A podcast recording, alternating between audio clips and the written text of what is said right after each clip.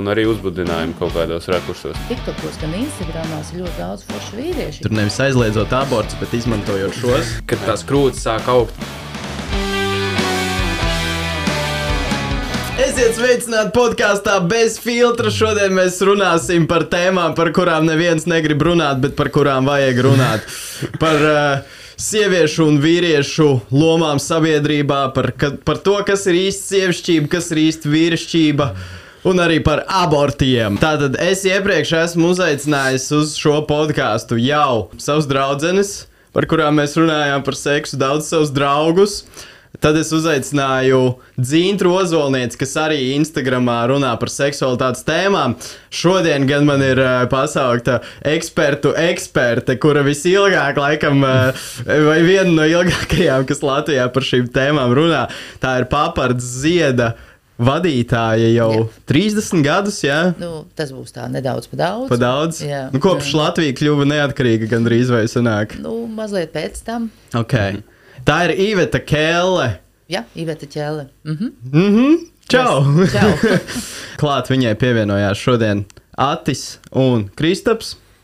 Atis un Iveta mums šodien būs tādi, ja es pārsvarā saucu draugus, jauniešus, tad mums šodien būs arī tāda perspektīva no pieaugušākiem cilvēkiem, kas eh, ir vairāk pieredzējuši dzīvi, kas man liekas baigi forši. Jo nu, man patīk, eh, man liekas, ļoti vērtīgas sarunas tieši ar eh, pieaugušiem Bet cilvēkiem. es vēl esmu jaunietis. Nu, Tu vēl esi man jaunietis, tu, tu, tu man senioru tu aliansē strādā. ne? Ah, nu pareizi. Nu, tad, ok. Nu, tad vairs nē, jā. Bet pirms mēs sākam šodien par jaunajām tēmām, es lasu visus kom kom komentārus, ko jūs man rakstat, un uh, gribu arī piebilst kaut ko par iepriekšējo podkāstu par Andrew Tate. Tā kā es tur minēju, vai ne, ka es bieži tieši, kad man kāds sāk rakstīt komentāros, nē, Edgars, tā kā šis nav labi, tad es sāku padomāt, hm, vai, vai tiešām varbūt mans viedoklis ir jāapdeito. Un es visu laiku tā daru, un tas nemainās. Un arī šoreiz tā kā man saņēma ļoti daudz Instagram ziņas, un es visu laiku jautāju, nu tā kā pārliecinat mani, kāpēc man nav taisnība. Jā? Tad es uh, ilgi gaidīju kaut kādus uh, komentārus, kas man pārliecinātu no Andrew Tate hateriem. Es tādus nesaņēmu. Līdz vienai dienai es tepat Lastādījā staigājos un satiku divas dāmas, influenceres, uh, Sudraba Kāja un uh, Lotulmane. Un tad mēs arī, protams, par to tēmu aizrunājāmies. Un beidzot, es kaut, kaut kādus labus argumentus saņēmu. Viņas man ieteica īstenībā noskatīties šādu te video. Šāds Džeks uh, Daz Watches, jā. Un uh, viņš uztaisīja stundu garu video par Andrew Tate, analizējot viņu no A līdz Z. Un tā ir perspektīva, vēl, ko es nebiju redzējis. Tas ir tas video, ko es gaidīju, ka, ka kāds man beidzot atsūtīs. Jo uh, tas, ko es iepriekš arī teicu, ko es gribu uzsvērt, vienkārši vairāk šajā podkāstā, nav tā, ka es atbalstu visu, ko Andrew Tate dara. Un es esmu skatījies arī, ko es sapratu, ļoti daudz nu, tieši viņa teikto, viņa perspektīvu. Un, protams, viņam ir bijušas daudz ats- ap, apsūdzības internetā, un visi cilvēki, kurus par kaut ko apvaino, viņu stratēģija, uh, lai saviem sekotājiem tur izpatiktu, un, un tā tālāk. Viņi, protams, teiks, nē, tā nav, un viņi vēl sāks uzbrukt pretī tiem cilvēkiem, kas viņus apsūdz. Un, uh, Un tad es tam visam ticēju, un es, tagad es vairs nezinu, kam ticēt, bet būtībā man liekas, teiksim tā, viņš ir eh, forši, ka viņš iedvesmo daudzus vīriešus. Bet te, protams, ir arī apsūdzības eh, šajā video vairāk parādās, un visi tie video, kur viņš tiešām ir vardarbīgs pret sievietēm, un ir vēl sievietes nākušas gaismā, kas ir teikušas, ok, viņš ir vardarbīgi pret mani izturējies, un daudzas baidās arī to publiski pateikt. Un mēs nezinām taisnību, tāpēc es tā kā teikšu, labi. Uh, nu, tā kā nav ok būt vardarbīgam pret sievietēm, to es galīgi neatbalstu. Un uh, mēs ne, nezinām, kāda ir realitāte, bet šeit varbūt ir pārliecinoši argumenti, ka jā, viņš uh, nav tik zīdains un pūkains, kā viņš tagad cenšas attaisnoties par visām šīm darbībām. Viņš jau vispār neizskatās tāds zīdainis un pūkains.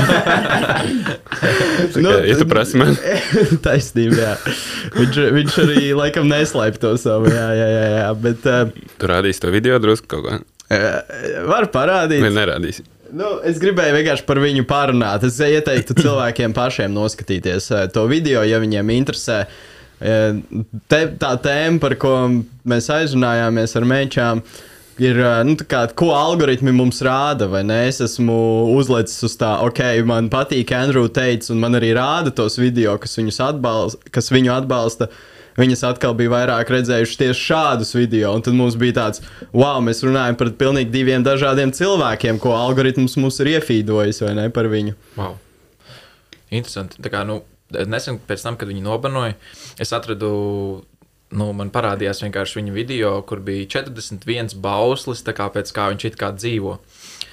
Nu, zini, es varēju tā tīri tā klausoties, piekrist, varētu teikt, lielākajai daļai vai pat visiem tiem baušļiem. Jo, nu, ja, manuprāt, svarīgi ir, eh, ka cilvēkam ir kā skaidrs vērtības, pēc kurām viņš arī vadās. Jo citādi viņš ir vadāms no ārpuses, ja viņam nav pašiem savas vērtības. Līdz ar to kā, tas man iedvesmo, kā, tas, ko viņš dara. mm, Tas, ka viņam ir ļoti izteiktas vērtības un ka viņš eh, nebaidās iedvesmot citus.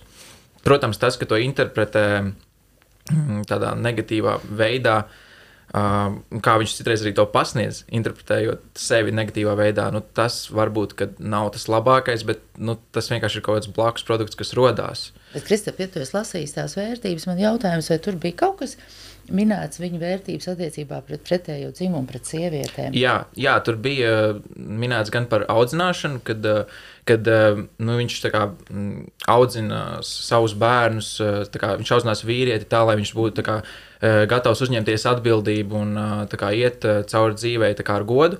Un tur arī bija minēts par to, ka, ja viņam būs meita, tad viņš audzinās viņu tā, kā, tā lai viņa būtu pilnvērtīga, sievišķīga kā, un um, jā, mācētu sevi arī izpaust, kā nekautrējoties. Um, nu, kā esot drošai. Un uh, arī par attiecībām tur bija minēts, ka uh, jā, kad ir par sievu ir jārūpējas un viņa jāciena, un ka kā tas ir nu, tāds kopējs, uh, kaut kāda kopēja lieta, ko dara nu, laulībā. Kad ne, nevis tā, ka ķip, nu, jā, tur sieviete tur nekas nav. Tā Es kā, pieļauju, ka tur nebija tā kā esi vardarbīgs pret savu sievu.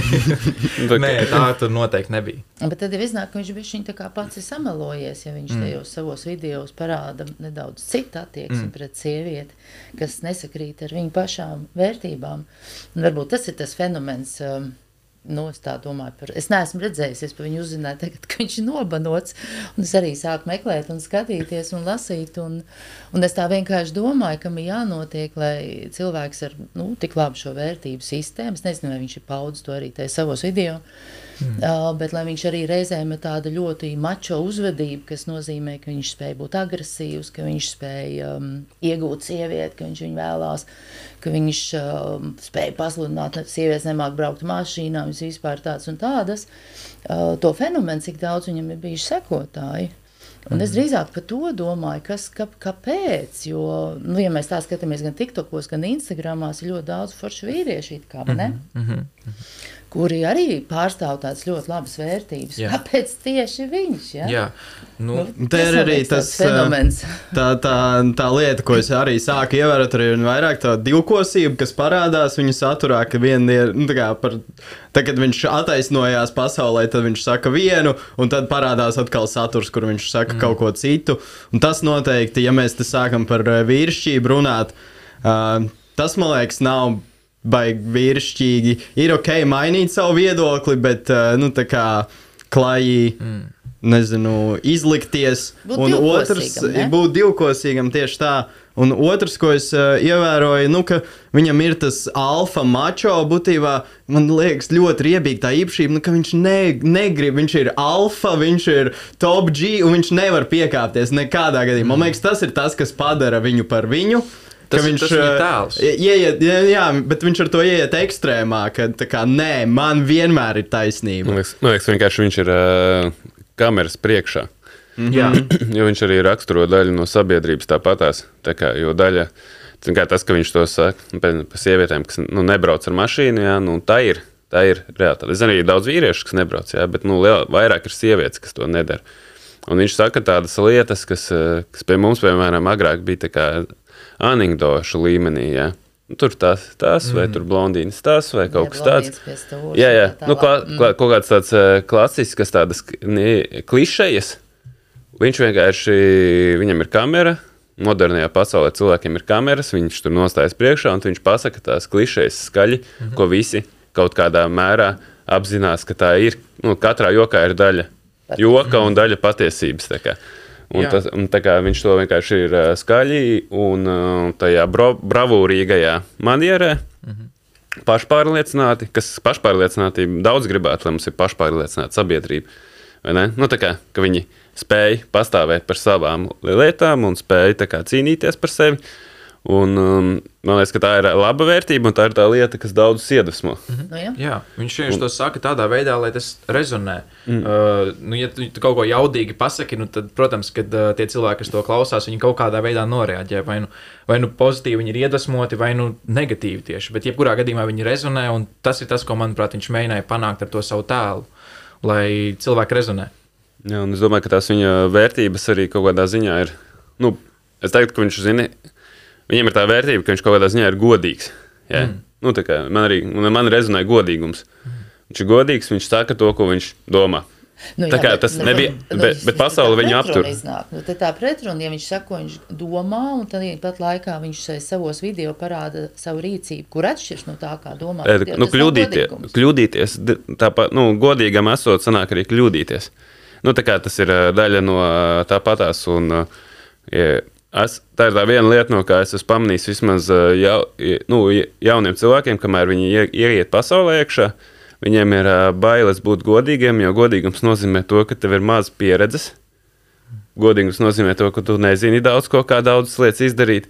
Godīgums nozīmē pateikt, ka es neprotu, nesanāks, ne, neie, nu, neies. Godīgums nozīmē pateikt, es kļūdījos par Andrew Tate arī. Jā, jā, jā un, tā, un tas godīgums, tā kā viņš prasa tādu, at, nu, eh, kaut kādā ziņā atklāt, atklāties. Nu, atklāties, pateikt eh, sabiedrībai kaut ko. Un rekušies, tas top G, ja, ko viņš dara, viņš atklājās tā kā tādā top līmenī. Jā, viņš vienkārši re, kur man nāk ārā šī tādas domas, es re, kur kameras priekšā, studijā vienā, otrā, trešā, vienkārši runāju visu, kas tur nāk ārā. Un kas ir tā lieta, kas arī, ko es saku piemēram jauniešiem, jā, kad tagad tu esi godīgs, tu dabūsi arī godīgu atgrieznisko saiti. Un Andriu teips acīm redzot dabūja tā kā, mm. no sociālo tīklu pārvaldītājiem. No organizācijām, kas kā iestājās pret to, un tā kā viņš dabūja atgrieznisko saiti. Un, uh, tas man liekas, sabiedrībā arī tā notiek tajā brīdī, kad cil, nu, arī jaunieši, ja, es viņam, arī, es viņam labprāt saku, vai runājiet par tām lietām, esiet godīgi par to. Jūs vienkārši dabūsiet atgrieznisko saiti, bet no tā nevajag kritiku. Nu, kritiku mm. Jūs pat dabūsiet. Jā, bet kritika ir nepieciešama, lai izaugtu. Jā, lūk, bet, uh, es redzēju vienu viņa video, kur viņš um, principā nu, trešajā personā runā par sevi. Kā būtu, kā, ja tur būtu kaut kāds čalis, kas tur ir rītīgs čempions bijis, un kad uh, viņš saka lietas tā kā tādā valodā, kas citiem rezonē, un uh, pat cik tā kā kaut kādi lielie, tie lielās mediju kompānijas un uh, lielie sociālie tīkli mm, grib, lai cilvēki ir vāji, tad viņi viņu kā izņemtu ārā. Bet tad kā, ir tas pavērsiens, kad, jā, kad sanāk, tāds čalis aizietu uz citu platformu. Uh, un pārvilktu visu to savu fanu uh, slāni kā, uz to platformu, un paralēli kā, viņš būtu investējies tajā platformā. Un līdz ar to, kā, tikko kā cilvēks sāk nākt uz to platformu, viņš kā, paliek ar vien bagātāks un bagātāks, un tad viņš kā, vairs nav tikai top G, bet viņš arī ir miljardieris. Tā kā, tā kā varbūt ka tā, tas viss, tā kā visi tie izteikumi, ir daļa no viņa plāna. tā kā Mēs nezinām. Pilnīgi iespējams. No gudra plāna. Es domāju, ka tā ir noteikti daļa no viņa plāna, jo liela daļa no sabiedrības saprot, kā, ka tu ņem tēmas, kas ir aktu, nu, aktuālas, kas aizķer. Mm -hmm. Viņu, tur mēs varam tagad sasūst, paņemt lapu, uzrakstīt sarakstu, kas ir tēmas, kas mums tā kā izraisa drusku riebumu, drusku interesi, jā, mm kaut kādu, uh, nezinu, pat. Uh, Nu, kā, kas aizķer smadzenēs kaut kādu tādu tās daļas, kas mums tā kā ir uzmanīgi, kas tas bija, mm kas notika. Nu, jā, Jā, es domāju, tā ka kā, un tad- vīrietis un vīrišķība viņi noteikti ir viena no tām tēmām mūsdienu pasaulē, kurā tomēr ir ļoti daudz feminisma, femīnais, un tad, kas tad ir maskulīnais šodienas sabiedrībā. Mm. Es domāju, viņš arī to aizķēris, un jā, tas tā var būt. Nu, Pastāsti, varbūt, uh, Iveta, kas, kas ir tavuprāt, jo tas uh, Daz Watches tajā video, piemēram, uh, minēja, ko es ne līdz galam piekrītu, nu, ka nav, nav tāda lieta, ka nevajag teikt vispār jauniem vīriešiem, es vīrietis, ka tas vārds pats par sevi ir toksisks, ja, jau kas ir, kas, ko nozīmē būt vīrietim, uh, un uh, tur viņš min, nu, ka katrā arī, protams, ir mums gan sievišķais, gan vīrišķais, un varbūt sievišķi, ne, Sievišķīgi vīrieši. un Sievišķīgi, vīrišķīgi jā, nu tieši tā. Nu jā, es par to arī domāju, ja, kas, ka, ka, protams, um, nu, ņemot vērā visas tagad dzimtas studijas un, un šīs jaunās teorijas par dzimtēm un, un par to, kā mēs jūtamies, esot vienā vai otrā bioloģiskā dzimumā, tas ir pavisam kaut kas jauns pasaulē. Un tad, ja mēs domājam par visu to milzīgo kultūras, vēstures bagāžu, kas mums visiem ir klātesoša. Ja? Nu, mēs nākam no kaut kādām senajām, sensenajām um, nu, kopienām, ciltīm un tā tālāk. Un, um, ir, mēs nevaram pilnībā nogriezt uh, šobrīd, kad eksistē tādi jēdzieni, vārdi, un ko viņi sev līdzi nes. Un es domāju, ka, protams, tā šodienas izpausmē mēs tā padomājam, piemēram, kāpēc nu, vīrietim var būt maigi pieskārieni. Mm -hmm. Un, ja es saku maigi pieskārieni, vai caur to vīrietis nebūs vīrietis, mm -hmm. es domāju, ka katrs nu, attiecībās mēs katrs vēlētos maigus pieskārienus. Vai tad, ja sieviete spēja milzīgas bēdas pārcies, nu, domājot par karu tagad, ja, ka viņi redz, ka nogalina viņas bērnu, jo izkropļo viņas vīru, viņi ir stipri, pareizi.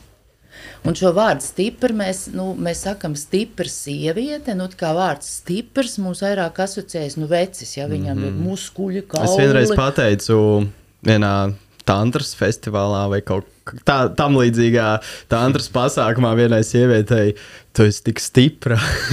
un viņa apvainojās. nu, nu, redzi, un, un, tas ir, un tas ir, man liekas, kaut kāds tas aplamais politkorektums. Jā. Ja?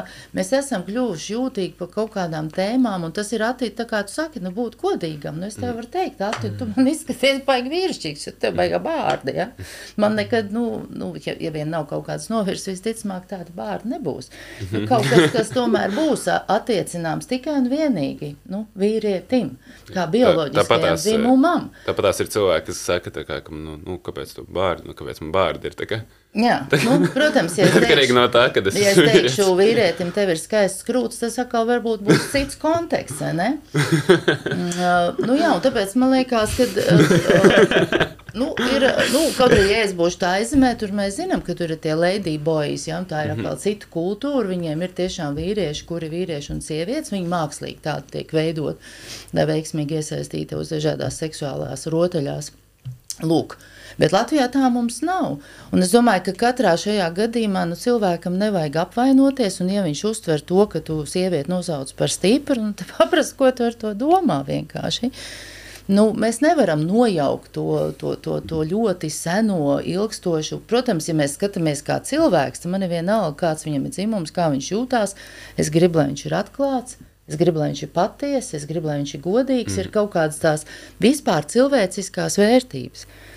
Bet bioloģiski nu, nu, mēs atšķiramies. Man liekas, tie, tie, nu, tiek politkorektums, polit kad tur parādās um, tie cilvēki, kas par to uztraucās.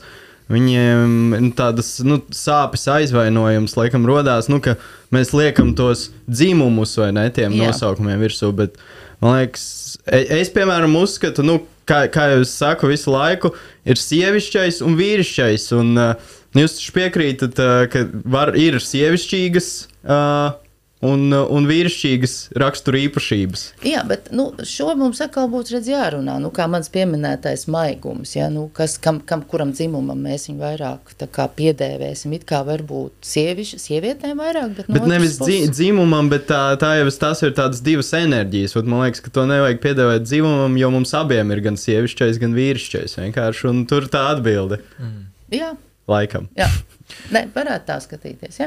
Nu, jā. Tā man ir brīži, kad es esmu vīrišķīgāks, un kad es gribu savu sievišķo pusi nu jā, vairāk. Nu, bet, un... nu jā, bet redziet, mēs kaut kā arī no tās bioloģijas arī nevaram aizmukt. Es pikšķi ilgšu uz to bioloģiju, jo tomēr um, bioloģiski dzimumam, kuram ir vīriešu dzimuma orgāni, runāsim tagad tā moderni, ā, šim dzimumam ir kaut kādas, piemēram, kaulu stiprums. Nu, viņš atšķiras no tā paša bioloģiskā dzimuma sieviete. Hmm. Nu, kā kaut kas, nu, nē, nu, tas tā ir. Jā. Jā, nu, sportā jau arī tomēr, ja mēs skatāmies sievietes un vīriešiem, neiesim šobrīd trans, uh, trans teorijās, bet, ja mēs skatāmies sievietes un vīrieši, viņi necīnās kopā boksā, piemēram, jeb skriešanā. Ir Nē, nu- atsevišķi. Nē, nu ir noteikti dažas kaudzes sievietēm, kas varētu arī tos vīriešus tā kā Ok, tas ir pieveikt. cits, bet, ir bet, jā, cits, jā, jā, bet jā. ja mēs runājam par to top, top līmeni, nu, kas ir tā kā tur noliek tā kā labāko vīrieti un labāk, mm, la- labāko sievieti, nu, tad ir ja tas, tas, ko Top Jerry saka, jā, viņš ir, nu, ir teicis, kā, ka tu noliec tur uh, futbola komandu, jā, kaut kādu, kas tur ir, uh, nu, vīri, puišu tā kā. Jā, pret tur spēcīgu sieviešu komandu, jā, un tie puiši mēdz viņu vienkārši salikt. Neskatoties uz to, ka tā, nu, vien, eh, jo tas vairāk, tas vairāk, es nezinu, vai tā, tas iespējams ir arī tas kultūras slāņa, uzslāņojuma pieredze un kaut kas tāds, jo, piemēram, tāda komandu sporta, jā, ja sievie, sievietes tehniski jau tā jau ir, tā jau ir uh, taktika un loģika, kā tu spēj apspēlēt tos otrus. Tev nevienmēr ir vajadzīgs ātrums un, Nu jā. ātrums un spēks. Dažreiz tev pietiek ar uh, s- saspēli un loģiku. tā kā. Tagad mēs Un tā- aizējām tā kā prom Jā, jā. no tā Jā. bioloģiskā. Jā, jā, bet tā kā tādā ziņā, ka nu, sievietes jau tāpatās ir apspēlējušas vīriešus ļoti daudz jomās. tā kā- protams, viņas taču ir ā, viltīgākas viel- un vispār. nu, viens, nu, zini kā, ir, man liekas, arī tas, ka cilvēki. Tas, kā, ir, kā es redzējis cilvēkus, tas alfa, piemēram, teorijas kaut kādas grāmatas arī skaties, kur tas alfa teorijas foršas, jā, tā, kad dzīvniekus analizē, bet tagad cilvēkus analizēt īsti nestrādā. Jo tu atnāc, tu esi baigājis tur muskuļoties čels, jā, bet tu atnāc uz to galda spēļu vakaru un saproti, ka tu nevari netiec galā ar tiem saviem ā, kauliņiem, jā, un nevari, Nu, jā, jā. nevari dabūt to, nevari to savu koku rūpniecību attīstīt jā, uz tā spēļu laukuma, un tad vairs īsti tāds alfa nekāds tur nesanāca. Jā. Nu, jā, jā, bet, neskat- es, bet es šī vietā gribētu atgriezties atkal pie mūsu tā sākotnējā sižeta par to teitu. Nu, padomājam, nu, kāda ir iemesli, kādēļ tik ļoti, ļoti fenomenāli daudz jauni vīrieši. Viņi ir nu, savā ziņā pielūguši te savos kaut kādos sociālos tīklos. Un tas varbūt ir kaut kas par to mūsu sabiedrību. Nu, kāpēc? Nu, kas tad ir tā jaunā vīrieša ilgas, kas ir tas, ar ko viņš grib asociēties? Mm. Nu, es tā provokatīvi. Jā, iespējams, varbūt nu, tā kā tīri kā mm, es to skatos, varbūt tā ir uh, sapratne vai izpratne uh, par to, ka īstenībā mm, ir kaut kāda veida mm, maskulinitātes apspiešana. Uh, ka, piemēram, nu, mēs tagad pārējām no mm, nezinu, kaut kādiem piena produktiem, pārējām uz sojas produktiem. Un, nu, tur ir atsevišķi tā kā, pētījumi par to, tā kā, cik ļoti sojas produktu lietošana ikdienā īstenībā padara vīriešus tā kā, vairāk sieviešu hormoniem. Nu, tas Nu, tas ir vistām mīts vairāk, ja tur ir tas uh, tie, tie, tie pagaidi, uh, tie, e, e, e, kā sauc sievišķo hormonu to? Estrogēni. Estrogēni, kas ir sojā, viņi neietekmē estro, kā tie ir cita veida estrogēni, bet labi. Nu, par to varētu atsevišķi video, man liekas, uztaisīt. Nu, protams. Soyboys un Protams, Visu par visu to var strīdēt. es domāju, tas vairāk saistīts ar to, ka tu, tā kā, nu, tu tagad esi tur vegāns vai vegetārietis, jā, un ko tas nozīmē to, ka, nu, ko tu nenogalini. Jā, vai tu tā kā saki, ka es nenogalināšu, es tur esmu, nu, es izturēšos uh, atbildīgi pret mm. dzīvniekiem, un tad, kas vēsturiski bijis, jā, nu, kad, nē, nu, vajadzēja dzīvot, jā, vajadzēja nogalināt. Viss. Mm. Nu, es nesaku, tā, kā, nu, ka kaut ko, lai varētu pēst, ja tev vajadzēja to visu tā kā klik, un tev vajadzēja to govēju, kā, govīju kaklu kā pārgriezt, ja, lai iztek asinis, jā, un vajadzēja cūkai pārgriezt mm. kaklu, lai iztek asinis, kā, un nu, to aizvien vēl dara. Jā. Vienkārši tā daļa ir, daļa no šīs lietas nevēlas uh, dzirdēt, nevēlas uh, to saprast, nevēlas to darīt, mm. jo sabiedrība ir, nu, gana tālu augusi, ir cilvēku tiesības tikušas tik tālu, ja, kad Jā, nu, nu, ve ve vegāniem ir tieši tas joks, uh, bija tāda bildīta, kaut kā, man liekas, tieši latviešu vegānu mīmu kontos, kur uh, pasties uh, sieviņa kādu es vistiņu nokāva, tur atnesu no veikala vienkārši ķekavas vistiņu cipa. Tā kā, Nu, jā, ne, nu, tas jau nav tā, ka iet un atbalstīt tos gaļādājus, bet uh, tīri par soju atsevišķi. Tas, uh, es esmu dzirdējis, ka ir uh, tāda nu, tā kā prakse vai terapija, kad uh, sievietēm, uh, lai paildzinātu to laiku, kad sāks menopauze, viņas vienkārši aktīvi lieto sojas produktus. Un, uh, nu, ja tas strādā, tādā gadījumā, nu, tad visticamāk tas strādā arī tāpat tās uz vīriešiem. Nu, kaut kādā mērā, nu, kad tās krūtis sāk augt, tur uh, ginekomastija vai kā viņi sauc. Es laikam, tas no senioru alianses tā tāda informācija nāk. Nu, Tāda nu, kanāla. nu, piena produktiem ir daudz vairāk estrogēns Jā. vīriešiem rodās, uh, un vēl lielāks. Var pastīties džekus, kas dzer pienu daudz, un tā kā ļoti bieži krūtis lielas. jā, un- mēs atkal aizgājām uz to, kas ir moderns. Mēs runājam par uzturu un kā tas uzturs var vienā otrā veidā ietekmēt. Bet es atgriezīšos varbūt pie tā vīriešu pirmsākumiem, par ko es vairāk tā kā, esmu domājusi. Un, eh, un tomēr par tām, eh, atkal, ja mēs domājam par bioloģiju, par tām atšķirībām, un, ja ir estrogēni, tad ir arī tie androgēni. Un, un tomēr vīrietis eh, un, un zēns un, un, un viņa audzināšana, nu, viņai ir jābūt nedaudz citādai kādai sievietēm. Un, ja mēs domājam par tiem jaunajiem zēniem, kur tagad tik fanoja par teitu arī Latvijā, Un tad, kas ir tas, par ko viņi fanoja? Un es domāju, tas ir tas, ko varbūt tajā vecajā kultūras izpratnē mēs saucam par to vīrišķīgo. Ja? -hmm. Ka tev ir muskuļi, nu, arī puiši. Ja? Nu, tas ir tas, ko viņi tur skatījās. Tev ir tie muskuļi, tev ir tas spēks, tev ir tas cigārs, tev ir tā mašīna, tev ir tās sievietes. Un atkal nediskutēsim, labs vai slikts, bet tie ir iespējams kaut kādi tie slāņi, Nu, par ko tas vīrietis varbūt mājās sēžot savos sociālos kontos, jo uz zāli viņš neiet. Mm. Viņam ir nabaga saltiņa, nevis cigārs, ko viņš smēķē. Ja? Un tas ir tas kaut kas, ar ko viņam asociējas. O, nu, tas ir baigais vecis. Ja? Bet tas, tas, ko es gribu tieši nu, piebilst, jā, un atgādināt visiem, ka mūsdienās, un it īpaši džekiem, kuriem varbūt nu, jauniem puišiem, kas, kas to skatās, Uh, viņi nav tur, uh, es, piemēram, nebiju lielākā auguma, tur lielākajiem muskuļiem, sportā nebiju stiprākais. Vienmēr es biju ļoti centīgs, bet kā kāds bija vienmēr garāks par mani, tad vienmēr noskrēja mani visās di distancēs un tā tālāk. Bet uh, tādēļ ir jāfokusējas uz citām nu, īpašībām, kas vēl mūs padara. Uh, Vīrišķības, ko mēs minējām, prāta spējas. Nē, tas ir visiem Nē, nē, atkal bet dzimumiem, bet Jā. vienkārši nete, ne, nedalīsim te vairāk dzimumos, bet eh, teiksim, eh, kādas, eh, nu jā, Es, es nē, jau bet par to sportu es gribu. būt, Es, es, te- es šoreiz nevaru tev piekrist. Tu saki, tu, ka tev vajadzēja koncentrēties uz kaut ko citu. Un ir ļoti daudz gan psihologu, gan attīstīt maņas, nē, man ir maņas īpašības, kas man ir uh, Es teiktu, profesionālitāte. labākas. Es gribu par to sportu. Jūs man grūžat gribi sporta, nu. Es gribu sportu, tāpēc, ka ir entās teorijas, kas runā un pierāda to, ka tiem puišiem, meitnēm arī, bet puišiem lielākā mērā ir vajadzīgs ja kaut kāda veida sportiskās aktivitātes. Nu. Okay, tu saki, tu tev nepadevās skriešana, tur zinām iemeslu dēļ, tu daudz labāk varēji būt sporta vingrotājs, piemēram. Ja?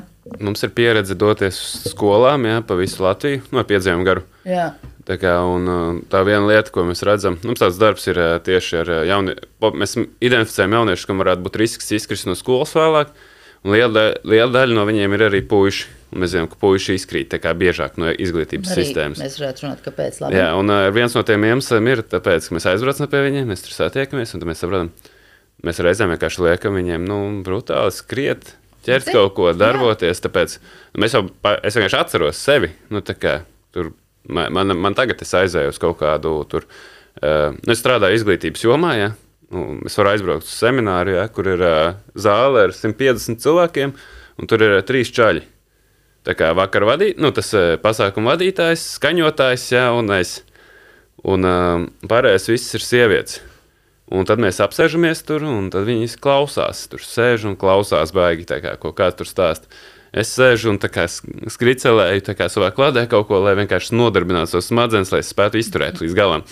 Nu, kā, jo man vajag kaut kādu kustību, ja kaut vai es nu, zīmēju, kā, un, uh, to, bet man vajag ku- kustību.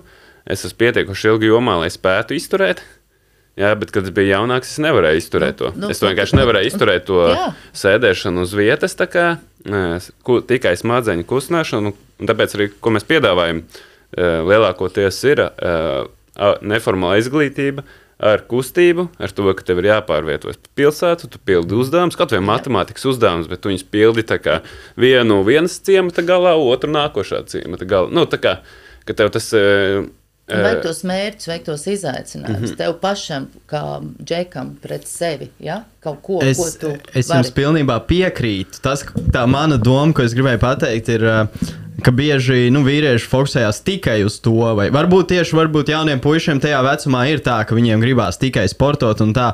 Un, uh, bet, uh, Tas man liekas, kā, kā tas ir kļuvis, ka tā ir tāda jau banalitāte, ka Andrew Tate tur bez mazliet, nu, viņš ir tas simbols tam alfa mēlu un muskuļi un nauda, nē, muskuļi, teiksim, tagad ir tas viss, jā, tas viņa šarms un vienīgais, kas ir vajadzīgs, bet tas, ko es saku, vajag attīstīt visas lietas kārtīgam vīrietim, tev vajag būt arī tavu prāta spējas attīstīt. Un, uh, Pro, man, man, man vienmēr ir problēmas. uz to. Ar visu ir, ir problēma. Man vienmēr ar visu ir problēma, tāpēc, ka jaunam cilvēkam, kad viņam saka, ka tev vajag visu attīstīt, viņiem ir tā kā visu, mm. visu Vot, tā kā kas tas vi, ir, vai ne? kas ir tas viss? nu, tā kā, jo mēs dzīvojam ā, nenormāli piesātinātā pasaulē, kur ir viss ir tā kā nozīmē ļoti daudz ko.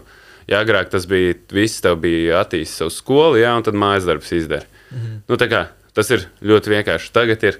Tev ir tāds tīkls. vienu, kas tev ļoti patīk. Jā, Kas- nē, nu, kur tu vari nodoties Ko mēs taisām, piemēram, ir tāds riņķis ar, eh, tu saliec uz riņķa tur savējās lietas, kas tev ir aktuālas, jo viņas parasti ir vairākas.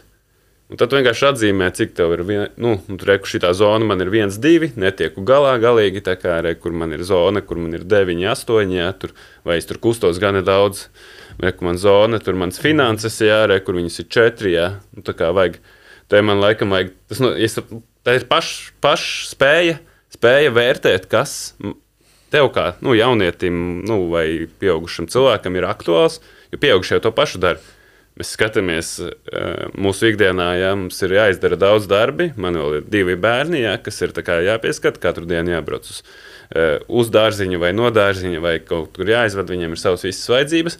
Man katru dienu ir eh, kaut kāda tā vērtēšanas sistēma, ko es izdaru. Es nevaru visu izdarīt katru dienu. Tas ir neiespējami. Bet es varu katru dienu izdarīt kaut kādas darbības tajās jomās, kur man ir vajadzīgs. Mm. Tēmēti. Man vajag pavadīt laiku ar ģimeni, tas pavadu laiku ar ģimeni. Tā Kā, un, uh, es uz mirkli aizmirstu, ka man ir kaut kādi tur, uh, termiņi, saka, Tev jau ka tās pieaugušo visas atbildības nākušas klāt. Es domāju, tie jaunieši, kur vēl ir ģimenēs un iet skolā. jā, nu, viņu gadījumā reizēm, jā, viņiem tas, bet viņiem tāpatās ir viņu riņķis. Uh, viņiem tur iespējams ir rekomendācijas attiecības ar draugiem, rekomendācijas attiecības ar Nu, pretēju tā ir tā dzimumu. sociālā dzīve vairāk. Jā. Jā, nu, bet arī man tur ir florbola treniņš. Jā. Cik ļoti Bet- bet es tas, tas, sasniedzu es savus mērķus tur. Tas, ko es domāju, uh, redzēju, nu, tu pieminēji floorbola mm. -hmm. treniņu. Man liekas, šodien ir tik daudz tie piedāvājumi un izaicinājumi, ka tam jaunietim, un ja, ja pusaudzim būtu tik būtiski atrast, nu, kas tev pa īstam no sirds patīk, kur tu vari aizrauties un, un kur tu vari ieguldīt sevi. Un Pēc tam tas var mainīties. Hmm. Bet meklēt to, ja, jo tas arī, ja mēs domājam tajā pieaugšā dzīvē, tas ir tas, kas tev palīdz veikt tos visus pienākumus, ka tev ir kaut kas, kam tu nododies ar prieku, ja, kas ir tas tavs hobijs mm. vai vaļas prieks. Nu, es to raksturoju, ka man ir daži, nu, daži desmiti ilgtermiņa mērķu dzīvē. Nu, es vienkārši sarakstu. Un uh, es vienkārši zinu, nu, tādā savā ziņā es esmu drusku arī kā nihilistisks, kā, nu, pa dzīvi, cīnisks mazliet. Kaut kā tā dzīve tā kā ir. Jaunība tā kā ir radījusi tādu priekšstatu, ka dzīve nav īsti nenormāli jēgpilna. Jā, vienīgais, tu pats neradi savu jēgu. Un tāpēc es saku, es, man, es savu dzīvi bāzējis ap to, ka man ir kaut kādi virzieni, vērtības, ko es vēlos attīstīt sabiedrībā. Līdzīgi kā tur arī viņam saraksts, ja mm. top G, tā kā mm. vērtības, virzieni. kā. Un uh, es, ar, es mēģinu pie tā ar to strādāt. Uh, mē- man ir princips, tā kā, kas konstanti attīstos. Kā, tas man ietver to, ka man nu, nebūs tāda. Ne, Dažreiz agrāk likās un gribējās, ka būs baigais pavērsiens dzīvē, kurš baigi atklās un baigi kā, sakārtos visu dzīvi, kā, un tad viņa būs sakārtota, un tad viņa vienkārši būs. Nu, kā, likās kādreiz, ka tāds, nu, ka kaut kas tāds būs. Jā. Viņa pēkšņi tur sakārtosies, es šito izdarīšu, jā, un tad ir. Ot ir dzīve, ir tagad nu, izcila. Patiesībā jau tās mazās ikdienišķās lietas, ko tu dari. Jā, tāpēc man tas viens no dzīves, man, manējiem personiskajiem pamatprincipiem ir konstanta attīstība, eh, kas nozīmē to, ka eh, man ir tas nu, arī tie, tas darbību virziens, ko es vēlos attīstīt, un es konstanti to paspiežu uz drusku savu, to paspiež. Nu, tā kā es Nu, viņus jā, bet to varbūt pārliekot tādā vienkāršākā valodā, jau tādiem varbūt pusauģiem Mhm. saprotamāk. Es, es redzu, ka tas tomēr ir, ka tu zini, kas tev ļoti, piemēram, skolā, ka tev ir kaut vai viens, jau divi mācību priekšmeti, kas tev patīk, kur tu tā kā pišķiņi vairāk pameklē, ja, ka tu meklē to, ja tev ir draugi, ka tu tam Mhm. atrod laiku, jo tu jau tā, tā baigi jau strukturēt kā tāds pieaugušais. Jā. Nu, kaut kā. Es kā sko, skolas kontekstā, es, piemēram, e- es vakardien ā, bērndā, nu, gāju pēc bērniem uz bērnu. Un uh, man ir kartiņas, tā kā mašīnā mētājas, kāds atstājis bija uh, no RSU studiju fakultātē. Un tā kā kartiņa vienā pusē uzrakstīts, kura fakultāte, un otrā pusē tur, piemēram, cilvēciņa Reklāmas materiāls, Jā, principā tas ir reklāmas materiāls. Mm. Bet, es, kas, bet viņš ir smuks, rīktīgi. Tur vienam ir uh, Mendeļēva tabula, jā, kas ir tur ķīmijas Farmacēt. faku, farmacētu fakultāte. Jā, un vienam tur ir virsū kaut tur sociālās tur tabuliņas, jā, kaut kā to analizēt. Un otrā pusē tur fakultāte sociālas zinības. Mm. Es vienkārši aiznesu au- audzinātāju, saku, Ah, re, kur tie bērni, nu, viņiem tur pēdējais gads dārziņā, re, kur varbūt viņiem laiks sāk domāt, laiks sāk domāt par to, ko viņi darīs pēc 12 gadiem. Ja? Un jau vienkārši man tā pieeja ar jauniešiem ir tāda, ka mēs varbūt domājam, ja, ka, viņi, nu, ka viņiem tā skola un tas viss ir visaktuālākais. Bet man, ja es, piemēram, es ļoti spilgti atceros kaut kādu vienu reizi, kad mēs bijām kaut kādā piektajā klasē. Un mēs braucām uz Rīgu uz ekskursiju, un mēs iegājām Latvijas Universitātes galvenajā jēkā. Es atceros, es tā, mēs tur ienākām, ja, un es tā skatījos apkārt, un es domāju, ah, ah studijas.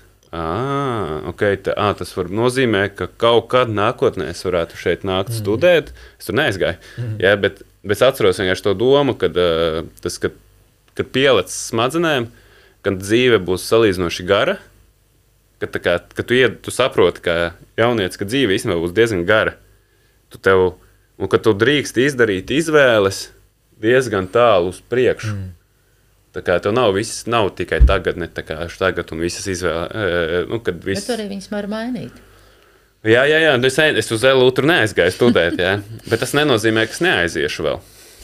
Ja? Tā kā, mm. man, nav arī, man jau arī nav arī 100% atbildība pret visiem, visām tām manām mikro izvēlītēm, bet mana dzīve tik un tā, nu, tā, tā izvēle toreiz, jā, man aizved uz piemēram, citu universitāti, jā, bet tas nekas. Bet tā vienkārši tā sajūta, ka tu drīksti izdarīt kā vīrietis, jā, jo es arī tā kā domāju, kāpēc lai es nebūtu vīrišķīgs vīrietis? jā, kāpēc lai es nebūtu? Es arī Tāpēc- kad eh, biju pa daudz ieciklējies uz šo. tā kā, Nē, es, es neesmu tāds, kuram patīk tur mašīnas, un es neesmu tipisks uh, vīrietis. Bet tad es sapratu, nu, nē, tā ir mana vājība. Man vajag attīstīt arī to, tās kompetences un uh, tās īpašības sevī. un Tāpēc es tagad arī uh, nu, sp sāku sportot regulāri un uh, saprotu, ah, nu es īstenībā varu uzkačāt musīšus. Un, ah, nu, varbūt man nepatīk mašīnas, bet man patiesībā ļoti patīk tehniskas lietas citādā veidā, tur tehnoloģijas un tā tālāk. Un es varu arī to, to visu attīstīt. Es arī neatšķiru visas mašīnas tajā līdzībā. Bet šis bija baigi labi, ko tu Edgars teici. Tas tiešām parāda to, ka, um, ka ka, ka katrai tai īpašībai, ko mēs saprotam, to vīrišķību, jau var būt ļoti dažādas šķautnes. Ja? Un tu jau pats vari meklēt un atrast to, kas tev, ko tev tas nozīmē. Un galvenais ir zināt, ka tev ir kaut kāds mērķis, ka tu mm. kaut ko vēlies sasniegt, tu vēlies kaut ko izzināt, jau kā tu saki, tās vērtības. Man ar pirmo mašīnu bija tā kā ļoti grūti. nu, man tā kā salīdzinoši Man veca. nebija. Man jau- nebija. Es sāku, jā, salīdzinoši netika. Bet tu, agri braukt mēģināji mašīnu. skrūvēt tā kā. A, Kāpēc lai es to darītu? Nu, tieši tā. Jo es, man atkal tā, ka nebija, nu, nebija tik daudz līdzekļu, tā kā, lai es varētu vienkārši, nu, es neesmu. Nu, es nepelnīju, tā kā es strādāju sociālā, nu, tā kā e, izglītības jomā, biedrībā, ja, nevis tā kā uzņēmumā, SIR, un es nekad neesmu fokusējies nenormālu peļņu. Uh, mācos tā kā arī priecos, no Edgara mācos, kā, ska, kā fokusēties uz kā naudu un kā viņu iegūt.